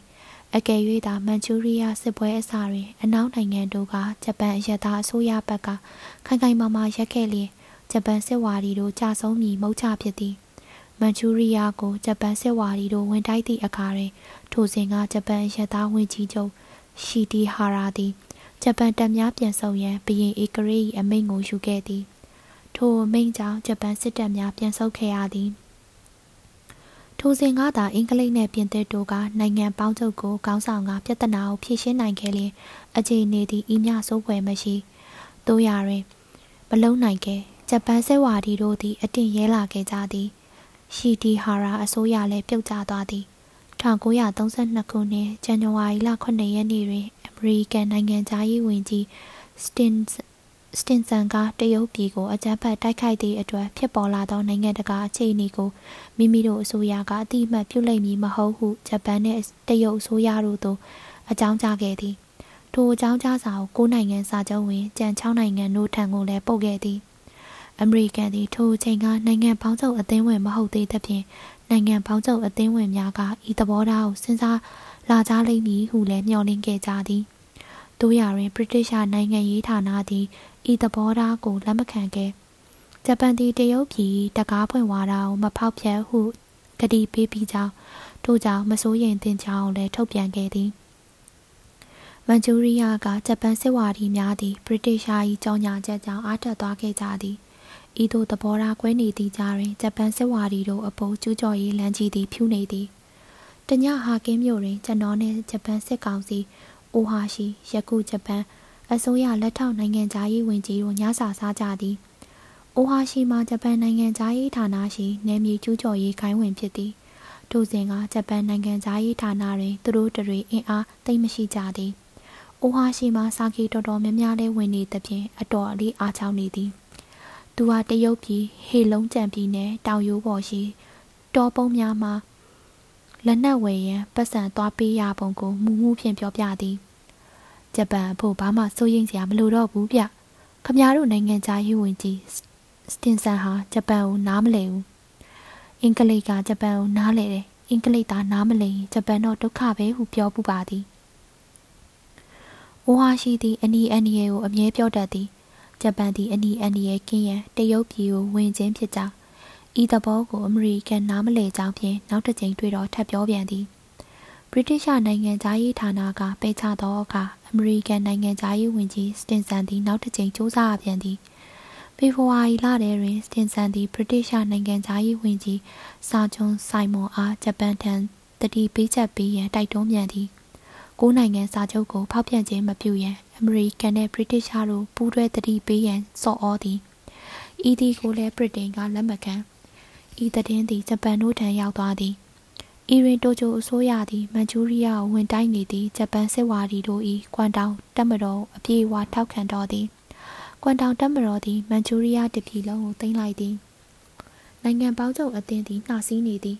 အင်္ဂလိပ်နှင့်ပြင်သစ်ကလည်းဂျပန်ကိုအရေးမပေးဘဲလက်ပိုက်ကြည့်နေကြသည် ထိုများမကဗြိတိရှနိုင်ငံသားရေးဝင်ကြီးစာဂျွန်ဆိုင်မွန်သည်နိုင်ငံပေါင်းချုပ်အစည်းအဝေးတွင်ဂျပန်ဘက်ကရှေ့နေပင်လိုက်ပေးလိုက်သေးသည်ဂျပန်ကိုယ်စားလှယ်မတ်ဆူအိုကာကမတ်တက်ထားကစာဂျွန်ဆိုင်မွန်ချီကျိုးသည်ယခုဂျာမနီအီတလီနဲ့ဂျပန်တို့ပေါင်း၍ဗြိတိရှအမ်ပါယာကြီးကိုခွဲဝေယူရမည်ဟုပြောနေသူမှလည်းယခုဂျပန်အစိုးရနိုင်ငံခြားရေးဝန်ကြီးဖြစ်သူမတ်ဆူအိုကာပင်ဖြစ်သည် နောက်ဆုံးတွင်နိုင်ငံပေါင်းချုပ်အသင်းကမန်ချူရီးယားအားဂျပန်တို့သိမ်းပိုက်ခြင်းကိုအတိအမှန်မပြုဟုဆုံးဖြတ်လိုက်သည်တို့ရတွင်ဂျပန်ကမန်ချူရီးယားကိုသိမ်းပြီးနေပြီဗြိတိရှခေါင်းဆောင်သည့်နိုင်ငံပေါင်းချုပ်ကိုယ်စားလှယ်အဖွဲ့သည်မန်ချူရီးယားအငင်းပွားမှုကိုစုံစမ်းစစ်ဆေးရန်မန်ချူရီးယားသို့ရောက်လာခဲ့သည်တို့ရရင်နောက်ကျခဲ့ပြီးမြင်းကိုတခုခိုးသားပြီးမှမြင်းစားအောင်လာပြီးတောက်ခတ်နေဘာတိပဲရှိအောင်ပါလဲဟုအမေရိကန်အထက်လွှတ်တော်အမတ်ဝီလ်ယောဂျာကပြောခဲ့သည် ဤသို့ဖြင့်အင်္ဂလိပ်နယ်ပြင်သစ်တို့သည်ဂျပန်ကိုမျက်နှာကြိုသွေးခဲ့ကြသည်ဤမျက်နှာကြိုသွေးရေး policy ကိုတရုတ်အစိုးရကလည်းသဘောကျခဲ့သည်ထို့ကြောင့်မန်ချူရီးယားတွင်ဂျပန်ကိုခံတိုက်နေသောမာရှယ်ချန်ရှူလီယန်ကိုအဆုတ်ခိုင်းခဲ့ခြင်းဖြစ်သည်ဗြိတိရှာပြင်သစ်နှင့်ဒတ်တို့၏ထိုစဉ်ကနိုင်ငံသားရေးဝါဒသည်အမျော်အမြင်ကင်းလွန်းလာသည်ဟုကျွန်တော်ဆိုခြင်းသည်တရုတ်ပြည်သို့ဂျပန်ဝင်လာခြင်းသည်မိမိတို့ကိုလိုနီနယ်များ၏တကားဝသို့ရောက်လာခြင်းဖြစ်သည်ကိုခလီယာအစာသိနိုင်သည် တို့ရတွင်ဗြိတိရှာပြင်သစ်နှင့်ဒတ်တို့သည်အပေကြောင့်ငြိမ်နေခဲ့ကြသည်အပေကြောင့်လက်ပိုက်ကြည့်နေခဲ့ကြသည်ဤနေရာတွင်သူတို့၏နိုင်ငံသားရေးဝါဒတစ်ခုလုံးကျွန်တော်မပြောလိုတော့လဲသူတို့ဘာကြောင့်လက်ပိုက်ကြည့်နေရခြင်းအကြောင်းနှစ်ချက်သုံးချက်ကိုမူကျွန်တော်ထောက်ပြလိုသည်ပထမဟစ်တလာသည်ဥရောပတွင်နေမြေချဲ့ဖို့တရားဝင်အခွင့်အရေးရှိသည့်ဤတူဂျပန်သည်လည်းအစမတန်များလာသော လူဦးရေအတွက်နေမြေတိုးချဲ့ရန်တရားဝင်အခွင့်အရေးရှိသည်ဟုဗြိတိရှနှင့်ပြင်သစ်အုပ်စိုးသူများရိုးသားစွာယုံကြည်နေကြသည်သူလိုချင်သည်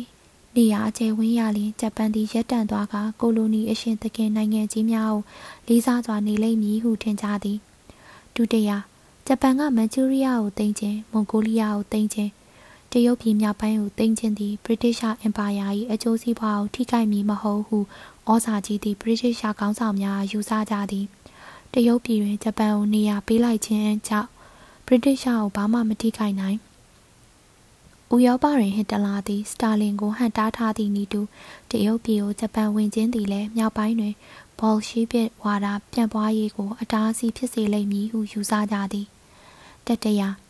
ဂျပန်ကအာရှတိုက်တွင်ဘော်ရှိဘက်အန်ဒီယေကိုဖြိုဖျက်နိုင်ခဲ့လျင်အရှိအာရှတွင်အရင်နှီးများမြုပ်နှံရေးအတွက်ငြိမ်ဝဲပြပြရေးရတော့မည်ဟုယုံကြည်နေကြသည်ဤတွက်ကိန်းဖြင့်အင်္ဂလိပ်နှင့်ပြင်သစ်တို့သည်ဂျပန်ကျူးကျော်မှုကိုလက်ပိုက်ကြည့်နေခဲ့ကြသည်ဂျပန်သည်ဗြိတိရှ၏အကျိုးစီးပွားကိုထိခိုက်စေလိမ့်မည်ဟုလွှတ်တော်အမတ်တဦးကပြောသည့်အခါတွင်ဝင်ကြီးချုပ်ချိန်ပါလင်ကဤသို့ခြေပါခဲ့သည်တရုတ်ဂျပန်စစ်ပွဲကြောင့်အရင်းနှီးတွေအများကြီးပျက်စီးမှာပဲ။ တနည်းပြောရရင်စစ်ပြီးသွားတဲ့အခါတရုတ်ပြည်မှာအရင်းနှီးတွေမြုပ်နှံခွင့်ရမယ်ဆိုတဲ့သဘောပဲဒီအရင်းနှီးတွေကိုဘယ်သူမြုပ်မလဲဂျပန်ကမမြုပ်နှံတော့ဘူးဗြိတိရှမပါပဲတရုတ်ကုန်သွယ်ရေးကိုဂျပန်ကလဝဲကြီးအုပ်အရင်မြုပ်လိုက်မယ်လို့ထင်ရင်တော့ဒီလိုပဲထင်တဲ့လူဟာအခြေအနေကိုနားမလည်တဲ့သူပဲဖြစ်လိမ့်မယ်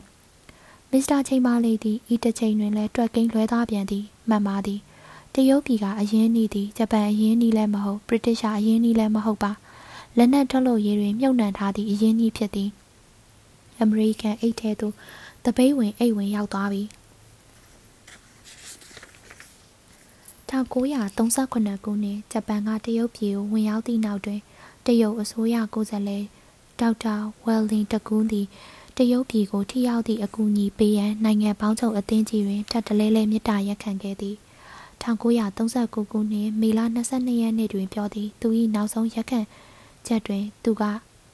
တရုတ်ပြည်ကိုဂျပန်ကဝင်တိုက်တဲ့အတွက်ကြောင့်လက်ရှိတင်းမာနေတဲ့ဥရောပအခြေအနေဟာအလွန်ပြင်းထန်ဆိုးရွားသွားနိုင်တယ်ဆိုတာအထူးပြောစရာမလိုပါဘူးတရုတ်ပြည်ကျသွားရင်အရှိပြားမှာအင်အားကြီးတဲ့နိုင်ငံတွေရဲ့အကျိုးစီးပွားနဲ့အခွင့်အရေးများဟာအများကြီးဆုံးရှုံးသွားလိမ့်မယ်လို့ပြောခဲ့ကအကူအညီတောင်းခဲ့သည်ဒေါက်တာဝယ်လင်တန်ကူတောင်းသည့်အကူအညီသည်ဘာမှမများပါ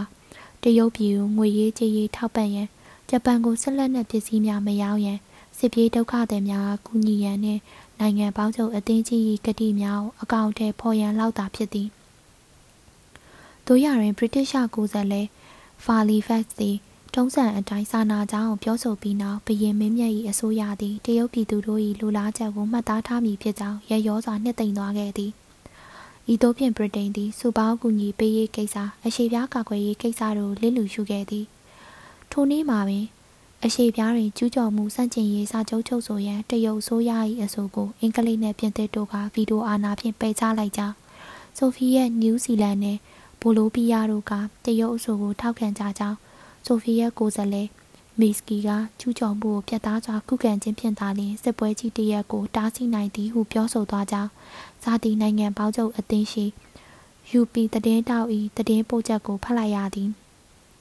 မကြာမီကပင်အင်္ဂလိပ်တည်င်းတောက် Free Force ဤစာအုပ်တုပ်ကိုကျွန်တော်ဖတ်လိုက်ရသည်ဟီတလာကချက်ကိုစလိုဗီးယားကိုတင်ပြီးသည့်နောက်ဆိုဗီယက်နိုင်ငံသားရေးဝန်ကြီးလီဗီနော့ကအင်္ဂလိပ်ပြင်သစ်ဆိုဗီယက်သုံးနိုင်ငံမဟာမိတ်စာချုပ်ချုပ်ရန်ဗြိတိရှဝန်ကြီးချုပ်ချိန်ပါလင်ကိုကန့်လန့်ခဲ့သည်ချိန်ပါလင်ကညင်းလိုက်သည်ဤကန့်လန့်ချက်မအောင်မြင်ခဲ့သဖြင့်အင်္ဂလိပ်ကိုမုံသောလီဗီနော့ပင်ယာတူးမှအထုတ်ခံလိုက်ရသေးသည်ဟု Brayford ၏စာအုပ်တွင်ဖော်ပြထားသည်ဂျွန်လ19ရက်နေ့တွင်လန်ဒန်မှလာသည့်သတင်းနှစ်ပုဒ်ကိုကျွန်တော်ဖတ်လိုက်ရပြန်သည်နိုင်ငံသားရေးဝန်ကြီးဟာလီဖတ်ကဂျပန်တန်အမတ်ရှီကီမတ်စုကိုစင့်ခေါ်ကတီယန်စင်းရှိဗြိတိရှအမျိုးသမီးများကိုဂျပန်စစ်သားများစော်ကားခြင်း ဗြိတိရှလူမျိုးများအားကိုတုံးလုံးချုပ်၍ရှာဖွေခြင်းစာသည့်စိတ်မချမ်းမြေပွဲသတင်းများကိုကြားလိုက်ရသည့်အတွက်နှိမြို့ခြင်းမရှိကြောင်းအလေးနက်ထုတ်ဖော်ပြောဆိုလိုက်သည်ဟုသောသတင်းဖြစ်သည်တခြားသတင်းတပုတ်မှာရိတ်ခါအပတ်စဉ်ချာနယ်မှာသတင်းတပုတ်ကိုထုတ်နှုတ်သည့်သတင်းဖြစ်သည်၎င်းဆိုရာဗြိတိရှအစိုးရ၏ရိတ်ခဝယ်ဌာနသည်ငါးတက်တာပူပေါင်း6800ဝယ်ရန်ဂျပန်အစိုးရနှင့်စာချုပ်ချုပ်ဆိုလိုက်သည်ဟုဆိုသည် ဂျပန်ကရန်30ခန်းတန်နိုင်ငံခြားဝေများဖြင့်ဗြိတိန်မှလက်နက်များဝယ်ယူမည်ဟုသိရသည်ထိုငွေများဖြင့်ကဘာတွင်အတောင်းညံဆုံးသောစီးပွားရေးသမားထံမှဝယ်မိအစားအပေကြောင့်ဗြိတိရှာငါးဖက်လုပ်ငန်းတွင်အရင်းအနှီးမဆိုင်တနည်းဟုသတင်းစာများမေးနေကြသည်ဟုရိုက်တာသတင်းကဝေဖန်သည်ဆိုဗီယက်နိုင်ငံသားရေးဝန်ကြီးမိုလိုတော့ကလည်းဗြိတိရှာအစိုးရကိုထိုအတိုင်းပင်မေးကောင်းမေးမိလုံးမပြောတတ်အခန်းလေး ဘယ်လန်းလိုက်မလဲတွက်ကိန်းမမကြားနှင့်အာရှတိုက်ကစစ်ပွဲဟာဥရောပကစစ်ပွဲလိုပဲကျွန်တော်တို့အတွက်ရေးကြည့်တယ်ရေတပ်ပုံကျုံဟယ်ရီယာနန်ဥရောပကစစ်ပွဲနှင့်အာရှကစစ်ပွဲသည်ဆက်သွားကြတော့မည်ပုံပေါ်နေသည်ဝင်ယူတဲ့နိုင်ငံတို့၏မဟာမိတ်ဖြစ်သည့်ဂျပန်တပ်များသည်မြန်မာပြည်မှဗြိတိရှတပ်များကိုလိုက်တိုက်ရန်အတွက်တောတောင်တူတက်သည့်အင်ဒိုချိုင်းနာနယ်စပ်ဒေသများကိုဖျက်နေကြသည်ဂျပန်ပြည်ရင်ရေ တပ်မတော်သည်စင်ကာပူမှဗြိတိရှနှင့်အရှေ့အိန္ဒိယကျွန်းစုမှဒက်ရှ်တို့ကိုချိန်ချောက်နေပြီးစစ်ပွဲ၏လက္ခဏာသည်ကိုလိုနီနယ်မြေများကိုပြန်လည်ခွဲဝေရေးစစ်ပွဲ၏တဒံကိုချက်ချင်းဆောင်လာခဲ့သည်ပြင်သစ်ပြည်ကနာဇီရုပ်သေးပြင်သစ်အစိုးရသည်အင်ဒိုချိုင်းနာကိုဂျပန်သို့လွှဲပေးလိုက်သည်ဤကိစ္စတွင်အင်ဒိုချိုင်းနာပြည်သူတို့သည်ဘာမှမသိလိုက်ရပြောဆိုခွင့်လည်းမရလိုက်ကြ မလေးပြည်သူအိန္ဒိယပြည်သူနှင့်မြန်မာပြည်သူတို့သည်သူတို့တိုင်းပြည်များနှင့်ပတ်သက်နေသည့်ကိစ္စများ policy များကိုဘာမှပြောဆိုခွင့်မရကြအရှိအိန္ဒိယကျွန်းစုကပြည်သူများကလည်းထို့အတူပါဇက်ကိုမှဟခွင့်မရကြ။တို့ရရင်တရုတ်ပြည်ကစစ်ပွဲတွင်မူတရုတ်ပြည်၏လွတ်လပ်ရေးတိုက်ပွဲလည်းအကျုံးဝင်နေသည်။ထို့ကြောင့်တရုတ်ပြည်စစ်ပွဲ၏လက္ခဏာသည်နှစ်ခွသဘောဆောင်နေသည်။တစ်ဖက်ကကိုလိုနီနယ်မြေဝေခွဲရေးလက္ခဏာချက်ဖြစ်သည်။ တကြားတစ်ဖက်ကတော်လည်ရေးလက္ခဏာချက်ဖြစ်သည်ထိုတော်လည်ရေးလက္ခဏာသည်စစ်ပွဲကြီးမပြီးမီတခြားဒေသများသို့ကူးစက်ပြန့်နှံ့သွားနိုင်သည်ပြင်သစ်သည်အာရှတိုက်တွင်ဂျပန်လက်ခုပ်ထဲသို့ရောက်နေပြီဒက်ရှ်သည်သူ့ပိုင်အရှိအိန္ဒိယကျွန်းစုများကိုဂျပန်ရန်မှကာကွယ်ရန်အတွက်အမေရိကန်ရေတပ်ကိုအားကိုးနေရသည်ဗြိတိန်သည်သူ့ကျွန်းလေးကိုသူမနှဲကာကွယ်နေရသည်ထို့ကြောင့်အင်ပါရာအရှိပြားကအစွန်အဖျားများကိုကာကွယ်နိုင်သည့်အင်အားမရှိတော့ စင်ကာပူခံတပ်ကိုကာကွယ်ရန်အတွက်အမေရိကန်ရေတပ်ကိုအားကိုးရတော့မည်အခြေရှိနေသည်အရှိတောင်အာရှမြေပြင်ကိုကာကွယ်ရန်သူ့လက်အောက်လူမျိုးများကိုတာဝန်လွှဲရတော့မည်ပေါ်ပေါနေသည်တို့ဖြစ်လင်အမေရိကန်ဘာလို့မြည်နီဘယ်လန်းလိုက်မြည်နီစဉ်းစားရင်အချိန်သိမ့်မရှိတော့ဂျပန်သည်ဝင်ရိုးရန်မဟာမိတ်စာချုပ်ထဲသို့ဝင်လိုက်ပြီးထို့ကြောင့်ဂျပန်၏လူနေမှုစနစ်သက်ကိုစန့်ကျင်သည့်ဗြိတိန်ကိုထောက်ခံသည့်မြည်သည့်တိုင်းပြည်ကိုမဆိုစစ်ကြေညာရတော့မည် ဂျာမနီအီတလီဂျပန်သုံးနိုင်ငံဝင်ယူရန်စာချုပ်သည်အမေရိကန်ကိုစန့်ကျင်ရန်ရည်ရွယ်ခြင်းဖြစ်ကြောင်းအမေရိကန်နိုင်ငံသားရေးဝန်ကြီးကိုယ်တိုင်ကထုတ်ဖော်ပြောဆိုပြီးဖြစ်သည်အကယ်၍ဂျပန်၏အရှိသို့လှုပ်ရှားမှုကိုစန့်ကျင်လျင်အာရှတိုက်သားတူညီမှုကောင်းစားရေးလုပ်ငန်းစဉ်ကိုစန့်ကျင်လျင်တနည်းပြောရလျင်အနောက်ပစိဖိတ်သမုဒ္ဒရာအားဂျပန်ကြီးစိုးမှုစန့်ကျင်လျင်ဂျပန်သည်အမေရိကန်ကိုလည်းတိုက်ရလိမ့်မည်ဟုဂျပန်နိုင်ငံသားရေးဝန်ကြီးမဆူအိုကာကကြေညာခဲ့သည် ဤအခြေအနေတွင် အမေရိကန်မြည်သည့်လမ်းကိုရွေးမည်နည်းကြည်အေးရေးလမ်းလောအမေရိကန်သည်ဂျပန်၏လူနေမှုစနစ်သက်ကိုအတိအမှတ်ပြုနိုင်သည်ဗြိတိန်ကိုစန့်ကျင်ရာတွင်လက်ပိုက်ကြည့်နေနိုင်သည်ဤသို့လုပ်သည်ဆိုလျှင်ဂျာမနီနှင့်ဂျပန်တန်ကိုရုရှားနှင့်ဗြိတိန်တို့သာခံရဖို့ရှိသည်အမေရိကန်သည်ဂျပန်နှင့်အချိန်မပြတ်ဆက်ဆံကာဂျပန်ကိုလက်နက်များပင်ရောင်းနိုင်သေးသည်တချို့အမေရိကန်ခေါင်းဆောင်များကဤသို့လုံရန်ပင်တိုက်တွန်းနေကြပြီ သို့ဆိုလျှင်အမေရိကန်သည်ဗြိတိန်၏အညိုညင်ကိုခံရမည်ရုရှား၏ညိုညင်မှုကိုခံရပွဲရှိသည်မစွမ်းဖက်ရေးဝါဒလော1936ခုနှစ်တုန်းကအမေရိကန်သည်ပြင်တရုတ်ပြည်ကမိမိပိုင်နယ်မြေများကိုဆွန့်လွတ်တင်ကြောင်းမတရားစာချုပ်များမှနှုတ်ထွက်တင်ကြောင်းစစ်တပ်များနှင့်ရေတပ်သင်္ဘောများကိုဖျက်သိမ်းတင်ကြောင်းဖြင့်ဂျပန်တို့တရုတ်ကိုမဝင်မီကတည်းကအမေရိကန်ဆိုရသို့တင်ပြခဲ့ပူသည် တရုတ်ဂျပန်စစ်တဲတွင်မြည်သူနိုင်နိုင်အမေရိကန်သည်တရုတ်ပြည်စစ်ပွဲတွင်ဤအခွင့်အရေးများကိုဆုံးရှုံးရတော့မည်အတူတူအပေကြောင့်နာမည်ပြတ်ခံ၍တွေ့ကပ်နေရောက်မည်နီတရုတ်ပြည်ကမိမိအခွင့်အရေးများကိုစစ်မဖြစ်မီအစောကြီးကြိုတင်ဆုံးလွတ်နိုင်ခဲ့လျင်နှစ်ပတ်လေးစားမှုလည်းခံရမည်စစ်ဖြစ်လာရင်မိသူဘက်ကမှမပါပဲနီလင်လည်းမျက်နှာပန်းလှနိုင်သည်အမေရိကန်ကဤသို့မဆွတ်ပတ်ပဲနေလိုက်နေအရှိပြားကကိုလိုနီနယ်များကိုကာကွယ်ရေး ဗြိတိန်ပြင်သစ်နှင့်တက်ရှို၏တာဝန်သာဖြစ်လာသည်ထိုအခါတွင်၎င်းတို့သုံးဦးသည်တရုတ်ပြည်နှင့်စုပေါင်းလုံခြုံရေးစာချုပ်ကိုချုပ်ဆိုလာပွဲရှိသည်သို့ဆိုလျှင်ဂျပန်၏စီးပွားရေးသည်နှစ်နှစ်ပင်ခံနိုင်မည်မဟုတ်ဂျပန်သည်မလေးရှားမြန်မာအိန္ဒိယနှင့်အရှေ့အိန္ဒိယကျွန်းစုတို့ကိုတိုက်လာနိုင်ခဲ့သည်ဤသို့တိုက်လာလျင်ဗြိတိန်သည်အိန္ဒိယနှင့်အိန္ဒိယအရှေ့ပြားဒေသများမှပစ္စည်းအင်အားလူအင်အားတို့ကိုစုစည်းရလိမ့်မည် သို့ဆိုလျှင်ဗြိတိရှသည်အိန္ဒိယမျိုးချစ်များနှင့်ဆက်စပ်လိမ့်မည်တရုတ်ပြည်နှင့်ပူးပေါင်းရလိမ့်မည်အရှေ့အာရှကလွတ်လပ်ရေးအင်အားစုများနှင့်ပေါင်းရလိမ့်မည်ထိုအခါတွင်စစ်ပွဲသည်ကိုလိုနီနယ်ပယ်လူရေးစစ်ပွဲမဟုတ်တော့ဘဲကိုလိုနီလူမြောက်ရေးစစ်ပွဲဖြစ်လာလိမ့်မည်ဂျပန်သည်တရုတ်ပြည်တွင်သော၎င်းအရှေ့တောင်အာရှတနေရာတွင်သော၎င်းရုရှားကမန်ချူရီးယားသို့စစ်တပ်များပို့လာလျင်သော၎င်းနောက်ဆုံးတနည်းနည်းတစ်ချိန်ချိန်တွင်မုတ်ချရှုံးမိမှသိကြသည် အမေရိကန်ဘုတ်အချိန်မရှိတော့အမေရိကန်သည်ဥရောပစစ်ပွဲတွင်အင်္ဂလန်ကိုလုံးဝထောက်ခံလျက်ရှိရာအရှိပြားတွင်ဂျပန်ကအင်္ဂလိပ်အင်ပါယာကိုဖက်ယူနေသည်ကိုလက်ပိုက်ကြည့်နေ၍မရတော့အာရှစစ်ပွဲသည်၄နှစ်ထဲရောက်လာပြီးယခုအမေရိကန်ကဂျပန်ကိုကုန်သွယ်မှုမပြုတ်ရန်တစိမ့်တစ်ပိုင်းကန့်သက်ထားရာဤကန့်သက်ချက်ကိုအပြည့်အဝသုံးရင်ဂျပန်သည်မြန်မာပေါ်နီယိုမလေးရှားနဲ့အရှေ့အိန္ဒိယကျွန်းစုများမှာ ရေနံတန်ရိုင်းကြက်ပေါင်စီတန်ဖြူတို့ကိုရရင်အမြန်သိမ်းရတော့မည်ဤခါရင်စစ်ပွဲသည်ကန့်သက်စစ်ပွဲမဟုတ်တော့အထွေထွေစစ်ပွဲဖြစ်လာလိမ့်မည်ထို့ကြောင့်မစွတ်ဖက်ရေးဝါဒသည်လည်းလက်တွေ့မဖြစ်နိုင်တော့စူပေါင်းလုံခြုံရေးစာချုပ်ချုပ်မည်လောကိုးနိုင်ငံစာချုပ်ကချမှတ်ထားသည့်စီစဉ်များသည့်အချိန်အမျိုးမျိုးကြောင့်ပြတ်ပြားသွားခဲ့ကြပြီးဆန္ဒရှိသည်ဆိုရင်နောက်ထပ်စုပေါင်းလုံခြုံရေးစာချုပ်တရက်ကိုချုပ်ဆိုဖို့အချိန်တွေများကြီးရခဲ့ကြသည် တို့ရတွင်ဥရောပလုံခြုံရေးတွင်ဆိုဗီယက်ယူနီယံကိုထည့်သွင်းစဉ်းစားခြင်းမပြုခဲ့ကြသည့်နည်းတူအာရှလုံခြုံရေးတွင်လည်းဆိုဗီယက်ယူနီယံကိုထည့်၍မစဉ်းစားခဲ့ကြ1932ခုနှစ်မှ1940ခုနှစ်အတွင်းတွင်မြည်သည့်အင်အားကြီးအနောက်နိုင်ငံကမှဤကိစ္စနှင့်ပတ်သက်၍စ조사အားထုတ်ခြင်းမပြုခဲ့ကြကျူးကျော်မှုစန့်ကျင်ရေးစာချုပ်ချုပ်ခြင်းမကြာသေးမီကတရုတ်ကတင်ပြခဲ့ပြီးရုရှားကထောက်ခံခဲ့သည် ဤသို့ချုပ်ဆိုနိုင်ခဲ့လျင်အမေရိကန်မပါသည့်တိုင်အရှိပြားတွင်ဂျပန်အရေးနိုင်သွားမည်ရုရှားသည်ဂျာမနီနှင့်မကျူးကျော်ရေးစာချုပ်ချုပ်ခြင်းအပြင်ဥရောပတွင်အတော်အတန်လုံခြုံမှုရသွားသည့်တိုင်ရုရှားပြည်အရှိပိုင်းသည်ဟင်းလင်းပွင့်နေသည်ထို့ကြောင့်ရုရှားသည်အရှိပြားလုံခြုံရေးအတွက်အမေရိကန်အင်္ဂလိပ်တို့နှင့်မကျူးကျော်ရေးစာချုပ်ချုပ်ခြင်းနေသည်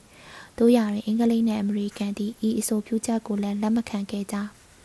များမကြာမီဥရောပမြောက်ပိုင်းတိုင်းပြည်များနှင့်ပြင်သစ်တို့ဂျာမနီတို့ကြာသွားသောအခါတွင် ဥရောပရှိဗြိတိန်၏နိုင်ငံ၏အနေအထားသည်စိုးရိမ်စရာကောင်းလောက်အောင်ချိနေသွားခဲ့သည်တရုတ်မြန်မာလမ်းမကိုပိတ်လိုက်ခြင်းဖြင့်အရှိပြားတွင်လည်းဗြိတိန်၏နိုင်ငံ၏ဩဇာသည်အများကြီးကျဆင်းသွားခဲ့သည်စင်စစ်တရုတ်မြန်မာလမ်းမကိုပိတ်ခြင်းသည်အပေါ်ယံကြည့်လျင်များစွာအရေးမကြီးဘူးဟုထင်ရသည့်တိုင်ဗြိတိန်ကဂျပန်ကိုချော့သည့်အရှိပြားမျိုးနှင့်စာချုပ်တရက်ပင်ဖြစ်သည်ချီနေသည့်တရုတ်ပြည်ကိုဂျပန်လက်သို့ဝါခွက်အပ်ခြင်းဖြစ်သည် စုပေါင်းလုံခြုံရေးစာချုပ်ချုပ်ဆိုရေးကိုစန့်ကျင်လိုက်ပြလိုက်သည့်နောက်ဆုံးလုပ်ရဖြစ်သည်ဤလုံးရဲ့ကြောင့်ရှေ့ပြားဒေတာတစ်ခုလုံးမနီလာပုံပေအထိအလံတကြားဖြစ်ကုန်ကြသည်အံ့အားသင့်ကုန်ကြသည်တို့ရတွင်ဗြိတိရှခေါင်းဆောင်များသည်တရုတ်မြန်မာလမ်းမကြီးပိတ်ခြင်းဖြင့်ပေါ်ပေါက်လာသည့်ရေရှည်အကျိုးဆက်များကိုကြိုတင်မြင်ပုံမပေါ်ကြချာချီကားဆိုရင်တရုတ်မြန်မာလမ်းမကြီးပိတ်လိုက်ခြင်းသည်တရုတ်မြန်မာစစ်ပွဲအမြန်ပြီးဆုံးရေးကိုရည်ရွယ်သည်ငင်းချမ်းရေးလုပ်ငန်းတစ်ခု တရုတ်ဂျပန်စစ်ကိုချိန်ချောက်မှုပြင်မဟုတ်ပဲစိစက်ကြည်အေးသည့်အတန်ဖြင့်ပြီးဆုံးစေသောလုပ်ငန်းတစ်ခုခုပဲအမွှန်းတင်သွားခဲ့သေးသည်ဗြိတိရှကိုလိုနီဆိုင်ရာဝန်ကြီးမစ္စတာဂျုံးကလည်းဤသို့လှုပ်တံလှုပ်ရတော့မည်ဘာမှမတတ်နိုင်မိတ်ဆွေဟောင်းများကိုစွန့်တန်စွန့်ရမည်တန်ရောစင်တွေကိုဖျက်တမ်းဖျက်ရတော့မည်မိမိတို့သည်ကမ္ဘာအကြီးဆုံးရန်သူဟစ်တလာကိုရင်ဆိုင်ရန်ဤသို့ပင်လှုပ်ရတော့မည်ဟုပွန့်ပွန့်လင်းလင်းပြောခဲ့သည် တို့ရရင်တရုတ်မြန်မာလမ်းမကိုပိတ်ခြင်းဖြင့်ဗြိတိန်သည်ဟစ်တလာကိုပို၍တိုက်နိုင်ခဲ့ပါသလောသူလိုသည့်အကျိုးတရားကိုရခဲ့ပါသလောတရုတ်မြန်မာလမ်းမကိုပိတ်ခြင်းဖြင့်ဂျပန်နှင့်ပေါင်းကတရုတ်လယ်မြေကိုညှစ်တီနဲ့အမျှဘာမှမချဤသို့လှုပ်ခြင်းဖြင့်အရှိပြားကဗြိတိရှကိုလိုနီအကျိုးစီးပွားကိုပြပြစေခဲ့သည်တရုတ်မြန်မာလမ်းကိုပိတ်ရခြင်းမှာမိုးရသည့်ရောက်၍ဖြစ်ကြောင်းမိုးရင်းတွင်သုံးပုံတပုံခန့်သာစွမ်းရည်ရှိသောကြောင့်ဖြင့်တင်းငယ်သွားအောင်ဗြိတိန်ကပြောသည့်တိုင် ထိုကိစ္စသည်ဗြိတိန်၏နိုင်ငံရေးကျင့်ဝတ်ကိုဖော်ပြလိုက်သည့်လောက်ရဖြစ်သည်ဗြိတိန်သည်အင်အားကြီးနိုင်ငံတစ်နိုင်ငံဂျပန်၏တညာမှုကိုရရန်အတွက်အင်အားနှင့်နိုင်ငံတရုတ်ကိုလက်ထိုးခဲ့ခြင်းနှင့်အတူတူပင်ဖြစ်သည်ဗြိတိန်ကတရုတ်မြန်မာလမ်းမကိုပိတ်လိုက်သည့်အထိလျှော့ပေးလာသည့်အခါတွင်ဂျပန်ကဖောက်ပြန်ရေးသမားများသည်အားတက်လာခဲ့ကြသည်ဝင်ယူတဲ့နိုင်ငံမဟာမိတ်ဖွဲ့ရေးကိုစန့်ကျင်ခဲ့သည့်ဤယာနုမာ၏အစိုးရအဖွဲ့သည်ချက်ချင်းပြုတ်ကျသွားကပို၍ဖောက်ပြန်သည့်ကိုနိုရီအစိုးရတက်လာခဲ့သည် ခုခံရေးစစ်တိုက်မည်လောအမေရိကန်သည်ဂျပန်ကျူးကျော်မှုခုခံရေး policy ကိုကျင့်သုံးလာခဲ့သည်ဂျပန်နှင့်ကြည်ရေး policy ကိုဆွန့်လွတ်ကာအာရှတွင်တရုတ်နှင့်ဗြိတိန်ကိုပြောင်းလဲခံလာခဲ့သည်အမေရိကန်နိုင်ငံသားရေးဝန်ကြီးကတရုတ်မြန်မာလက်မကြီးကိုပြန်ဖွင့်ရန်ဗြိတိရှဆိုရကိုတိုက်တွန်းခဲ့သည်။သို့ဖြင့်ဂျာမနီ၊ဂျပန်တို့နှင့်ထိပ်တိုက်ရင်ဆိုင်ရတော့မည့်အခြေအနေသည်တဖြည်းဖြည်းနီးလာသည်။သို့တိုင်အောင်ငင်းချမ်းရေးပေါင်ထဲတွင် တန်တမန်နီးပရိယဖြင့်လှုပ်ရှားဖို့မလိုတော့ဟုအတိတ်ပဲမတွက်ဝင်ယူတဲ့နိုင်ငံများသည်ဥရောပနိုင်ငံများကိုသိမ်းခဲ့ရာတွင်စစ်ရေးဖြင့်တိကမဟုတ်ဘဲနိုင်ငံသားရေးဩဇာဖြင့်သိမ်းခဲ့သည်ဟုတတိမူခဲ့သည်ဂျာမနီသည်နိုင်ငံရေးဖြူဟာဖြင့်ချက်ကိုစလိုဗီးယားကိုသိမ်းခဲ့ခြင်းဖြစ်သည်နော်ဝေးနှင့်ဥရောပမြောက်ပိုင်းဘောဘောလ်တစ်နိုင်ငံငယ်ကလေးကိုနိုင်ငံရေးဖြူဟာဖြင့်သိမ်းခဲ့ခြင်းဖြစ်သည်ပြင်သစ်ကိုလည်းထို့တူသိမ်းခဲ့ခြင်းဖြစ်သည် ဂျာမနီသည်ထိုနိုင်ငံများကိုနိုင်ငံရေးအရာဖျို့ဖျဲဖြစ်အောင်လုပ်ပြီးမှနောက်ကစစ်တပ်လိုက်လာခြင်းဖြစ်သည်ဂျပန်သည်နိုင်ငံရေးအရာအားနည်းသည်ထိုနိုင်ငံရေးအားနည်းချက်ကိုအမေရိကန်ကခွင့်ကောင်းယူသင့်သည်ဟုကျွန်တော်ထင်သည်ဂျပန်ကိုတားထားရင်အမေရိကန်သည်တရုတ်တို့၏ယုံကြည်မှုပူးပေါင်းမှုကိုရအောင်လုပ်သင့်သည်ထို့သောယုံကြည်မှုရစေရန်တရုတ်အမေရိကန်ဆက်ဆံရေးကိုခိုင်မြဲသည့်အခြေခံပေါ်တွင်အမြန်ဆုံးတည်ဆောက်သင့်သည် ဤသို့တည်ဆောက်နိုင်ရန်အတွက်အမေရိကန်သည်တရုတ်ပြည်နှင့်ချုပ်ဆိုထားသည့်မတရားစာချုပ်များကိုဖျက်သိမ်းရမည်တရုတ်ပြည်ကအမေရိကန်နယ်မြေပိုင်ခွင့်များကိုဆွန့်လွတ်ရမည်မန်ချူရီးယားနဲ့မွန်ဂိုလီးယားမှအမေရိကန်ပိုင်ခွင့်များကိုဆွန့်လွတ်ပြရမည်စစ်မဖြစ်မီချီထားသောအမေရိကန်ကျွေးများကိုလျှော့ပြရမည်မတရားစာချုပ်များနေရာတွင်တရားမျှတ၍အပြန်အလှန်အကျိုးရှိသောစာချုပ်များကိုတရုတ်ပြည်နှင့်ချုပ်ဆိုသင့်သည် နှစ်ပြည်စလုံးကပြည်သူများအားလွတ်လပ်စွာပြောဆိုရေးသားစီယုံလှုပ်ဆော်သည့်ဒီမိုကရေစီအခွင့်အရေးများကိုပေးရန်ပြဋ္ဌာန်းသင့်သည်နှစ်နိုင်ငံငြိမ်းချမ်းစွာနေထိုင်ရန်သဘောတူသင့်သည်အမေရိကန်သည်ဂျပန်ကိုလက်နက်ထောက်ပံ့နေသည့်အတွက်တရုတ်ပြည်သူများကအမေရိကန်ပေါ်တွင်စိတ်နာနေသည်ဒေါသထွက်နေကြသည်အထက်ပါနီလန်များဖြင့်တရုတ်ပြည်သူတို့၏နားလည်မှုချစ်ကြည်မှုကိုရအောင်ပြန်လုပ်သင့်သည်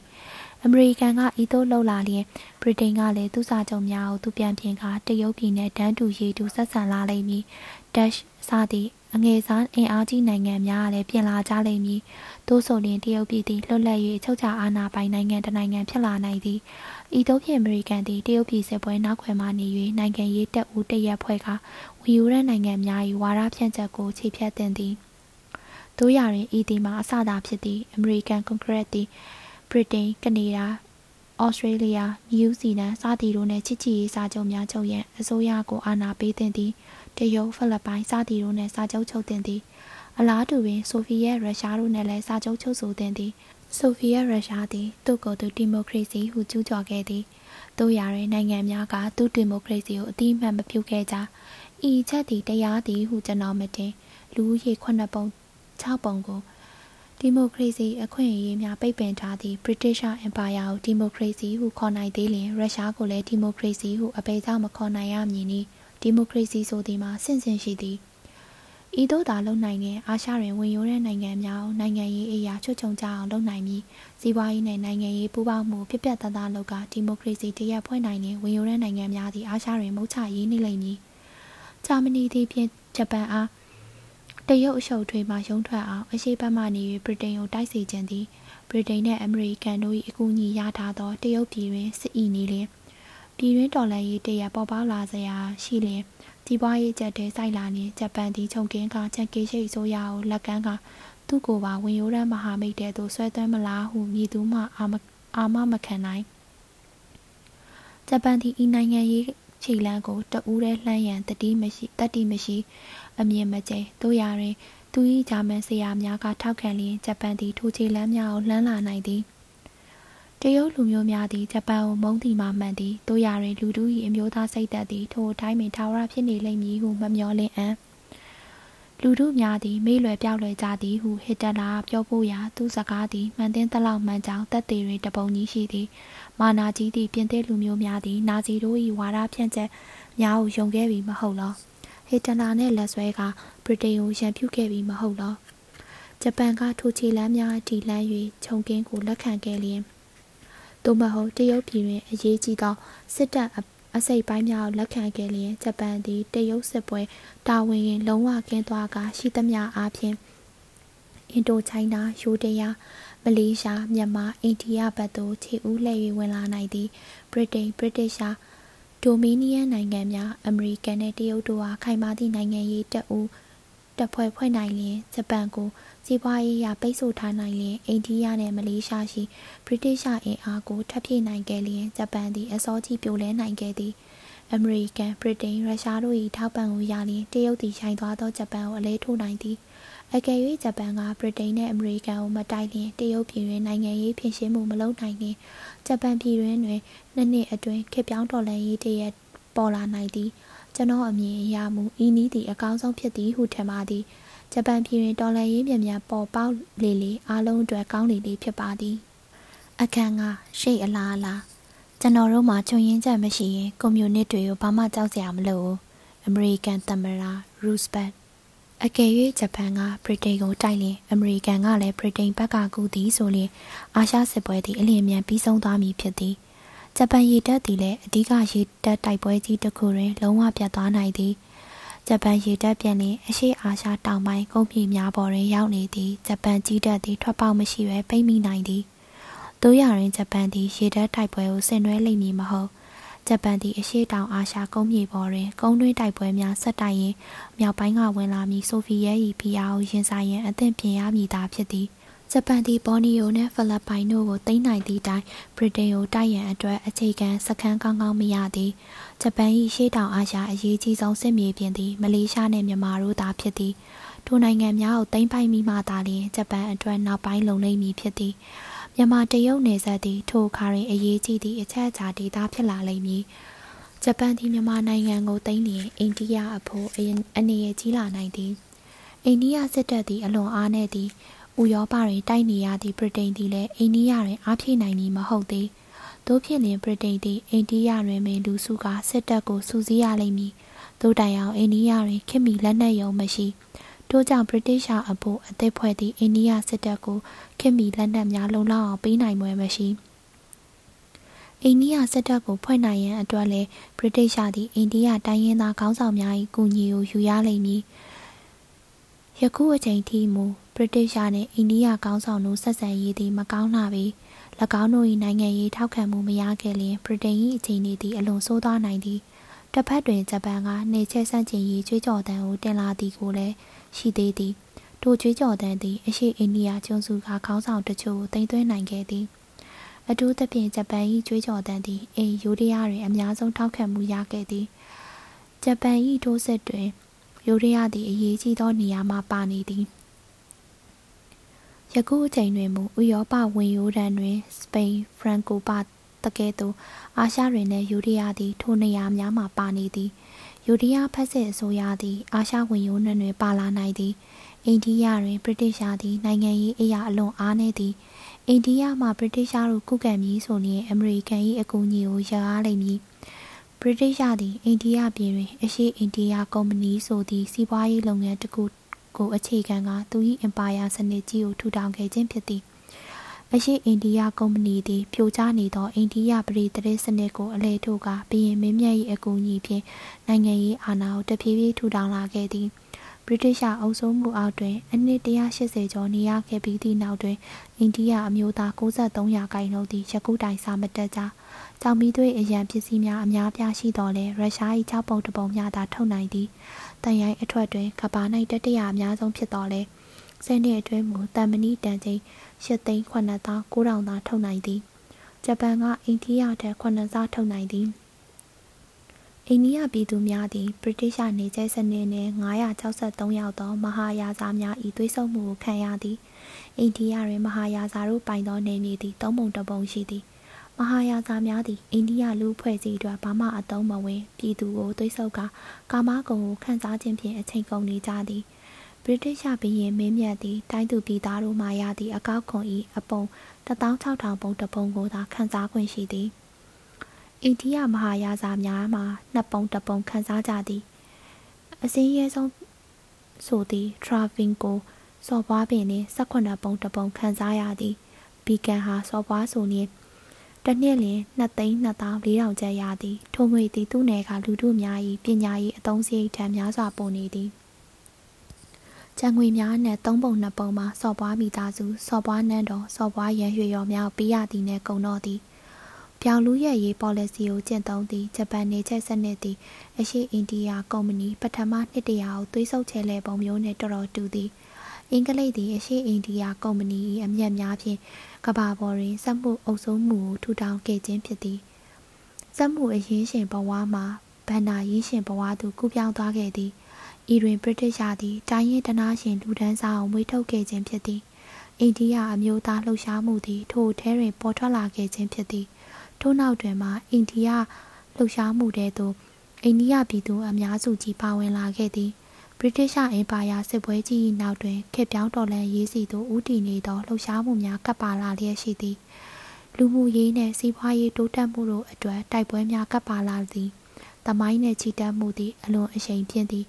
လမ်းတွင်အတားအဆီးဖြစ်နေသည်တည်နေသောအရာမလှုပ်ရှားသောအရာများကိုနင်းချေသွားလိမ့်မည်တိုးတက်မှုကိုအတားဆီးဖြစ်နေသည့်စနစ်များကိုချိန်မုံသွားလိမ့်မည်။နေချက်စနစ်သည်ကိုကိုကိုဖျက်ဆီးနေသည်။ထိုနေရာဤနေရာတွင်စစ်ပွဲများတပွဲစားနှစ်ပွဲစားနိုင်ကောင်းနိုင်လိမ့်မည်။တို့ရတွင်ရေရှည်တွင်မူနေချက်စနစ်သည်ပြိုကျပျက်စီးနေပြီးထိုနေချက်စနစ်နေရာတွင်စနစ်သစ်တစ်ခုအစားထိုးဝင်ရောက်လာလိမ့်မည်။ ဖက်ဆက်ဝါဒသည်ပြိုကျပျက်စီးသွားသောနေချက်စနစ်ဟောင်းနေရာ၌အစားဝင်ဖို့စ조사ကြည့်နေသည်။ဒီမိုကရေစီသည်အရှိတည်တံ့လိုလျင်ထိုထက်အားကောင်းရလိမ့်မည်။အရှိပြင်းလာသောဒီမိုကရေစီဖြစ်ရလိမ့်မည်လူထု၏နိုင်ငံရေးစိတ်ဓာတ်လူထု၏တောင်းဆိုချက်နှင့်ကိုင်းညီသောဒီမိုကရေစီဖြစ်ရလိမ့်မည်အင်္ဂလိပ်အုပ်စိုးသူလူဒန်းစားသည်ဤချက်ကိုသဘောမပေါတို့ရတွင်ကိုလိုနီပြည်သူများကမူထိုချက်ကိုမြင်ကြသည် ဗြိတိရှားနှင့်ဗြိတိရှားဒိုမီနီယန်နိုင်ငံများသည် နိုင်ငံရေးအရာညီညွတ်ကြသေးသည်ဆိုလျှင်ကိုလိုနီနိုင်ငံများ၏လွတ်လပ်ရေးလုပ်ငန်းစဉ်တရက်ကိုကြော်ညာရလိမ့်မည်ထိုလုပ်ငန်းစဉ်၌တစ်စစ်ပြီးလျင်အိန္ဒိယနှင့်မြန်မာတို့အားလွတ်လပ်ရေးပေးမည်ဟုကတိပေးရမည်နှင့်ခေတ်နောက်ကျသောကိုလိုနီများတွင်ဒီမိုကရေစီကျသောကိုယ်ပိုင်အုပ်ချုပ်ရေးပေးနိုင်ရန်အတွက်မတင်မနီရပညာရေးကိုပြဋ္ဌာန်းပေးရမည်၃ မိမိတို့၏လွတ်မြောက်ရေးအတွက်တိုက်ခိုက်ခဲ့သောကိုလိုနီများအားလုံးနှင့်ဖက်စစ်စနစ်၏ကျုံဖြစ်ခဲ့ကြသောလူမျိုးများ၏လွတ်လပ်ရေးပေးမည်ဟုကတိပေးရမည်၄မပေးနိုင်သေးမီကိုလိုနီတိုင်းပြည်များအားဗန္နာရေးကျွမ်းကျင်မှုစက်မှုစေဝါနှင့်တခြားလိုအပ်သည့်လူမှုရေးအကူအညီများပေးရမည်ငါရှေ့တန်းရောက်သည့်ကိုလိုနီတိုင်းပြည်များ၏လွတ်မြောက်ရေးအတွက်အခြေအနေများကိုဖန်တီးပေးရမည်စစ်စစ်ကိုလိုနီအင်ပါယာကြီးသည်ဗြိတိရှလူထုအတွက်ဘာမှအကျိုးမရှိ လက်တက်ဆုပ်စားများသာရှိသောဗြိတိရှဘဏ္ဍာအရင်းရှင်ကြီးများအတွက်သာအကျိုးရှိသည်ထိုကိုလိုနီများမှနေ၍ဗြိတိရှအရင်းရှင်ကြီးများသည်တနှစ်လင်စတာလင်ပေါင်းတန်40နီးပါးမျက်နေကြသည်ဗြိတိန်သည်ဤလုပ်ငန်းစဉ်ကြီးမျိုးကိုသာအာရှတွင်ကြီးညာနိုင်ခဲ့လျင်ဂျပန်ပြည်ကဖက်စစ်အင်အားစုများကိုဖြိုခွဲနိုင်လိမ့်မည်အာရှတိုက်ကဖက်စစ်စန့်ကျင်ရေးလှုပ်ရှားမှုများကိုရနိုင်လိမ့်မည် ဤသို့နိုင်ငံရေးဖြူဟာချမှတ်ကအရှိန်ပြင်းသောဒီမိုကရေစီကိုထူထောင်နိုင်ခဲ့လျင်ဥရောပနှင့်အာရှကရန်သူနှစ်ဦးစလုံးကိုဝိုင်းပတ်နိုင်လိမ့်မည်။အာရှတိုက်တွင်ကြီးစွာသောပြောင်းလဲမှုကြီးကိုပေါ်ပေါက်ရန်အလားအလာရှိနေသည်။ယာယီအားဖြင့်အောက်ပါအလားအလာများရှိသည်ဟုကျွန်တော်ကောက်ချက်ချလိုသည်။၁နေချဲစနစ်သည်သူ့ကိုယ်သူကြိုးကွင်းစွတ်သည့်စစ်ကိုတိုက်နေသည်။အတွင်းပရိပခများကြောင့်ပြည်တွင်းတွင်ဖီယိုဖျဲပြိုကွဲနေသည်။ ပြည်ပတွင်ဖက်ဆက်ဝါဒ၏တိုက်ခိုက်မှုနှင့်ကိုလိုနီပြည်သူတို့၏တော်လှန်ရေးများကြောင့်အကျက်တဲဆိုင်နေသည်နှင့်ဂျပန်စစ်နယ်ကျဲစနစ်သည်နိုင်ငံရေးအရာစီးပွားရေးနှင့်နိုင်ငံရေးဖုတ်ပိတ်တာကြီးတကောင်ဖြစ်သည်မြောက်ဘက်တွင်ဆိုဗီယက်ပိတ်ဆို့မှုအာရှတိုက်တဝမ်းတွင်ဖက်စစ်ဆက်ကျင်ရေးလှုပ်ရှားမှုပြည်တွင်းတွင်ပြည်တရစ်စန့်ကျင်ရေးအင်အားစုနှင့်အနောက်တိုင်းတွင်နေချက်စနစ်တို့၏ထိခိုက်တိုက်ခိုက်မှုတို့ကြောင့်မရှုမလဖြစ်နေသည်၃နေချက်စစ်ပွဲ ကြီးအတွင်းအရှိန်ရလာသည့်ကိုလိုနီတော်လှန်ရေးသမားများသည်အာရှနိုင်ငံပေါင်းများစွာတို့တွင်ဆိုရှယ်လစ်စနစ်မြေယာတော်လှန်ရေးအဖြစ်သို့ပြင်းပြစွာပေါ်ထွန်းပြောင်းလဲနေကြသည်အနာဂတ်ကာလတွင်တိုက်ပွဲများကိုလည်းတွေ့ရလိမ့်အောင်မည်နေချက်စနစ်အသစ်နှင့်အဟောင်းကြားပြင်းငိမ့်မှုနေချက်စနစ်နှင့်အမျိုးသားတော်လှန်ရေးများကြားကပြင်းငိမ့်မှုနေချက်စနစ်နှင့်ဆိုရှယ်လစ်စနစ်အကျိုးမြေယာတော်လှန်ရေးများအကြားကပြင်းငိမ့်မှုတို့သည်ယာယီများသာဖြစ်လိမ့်မည်။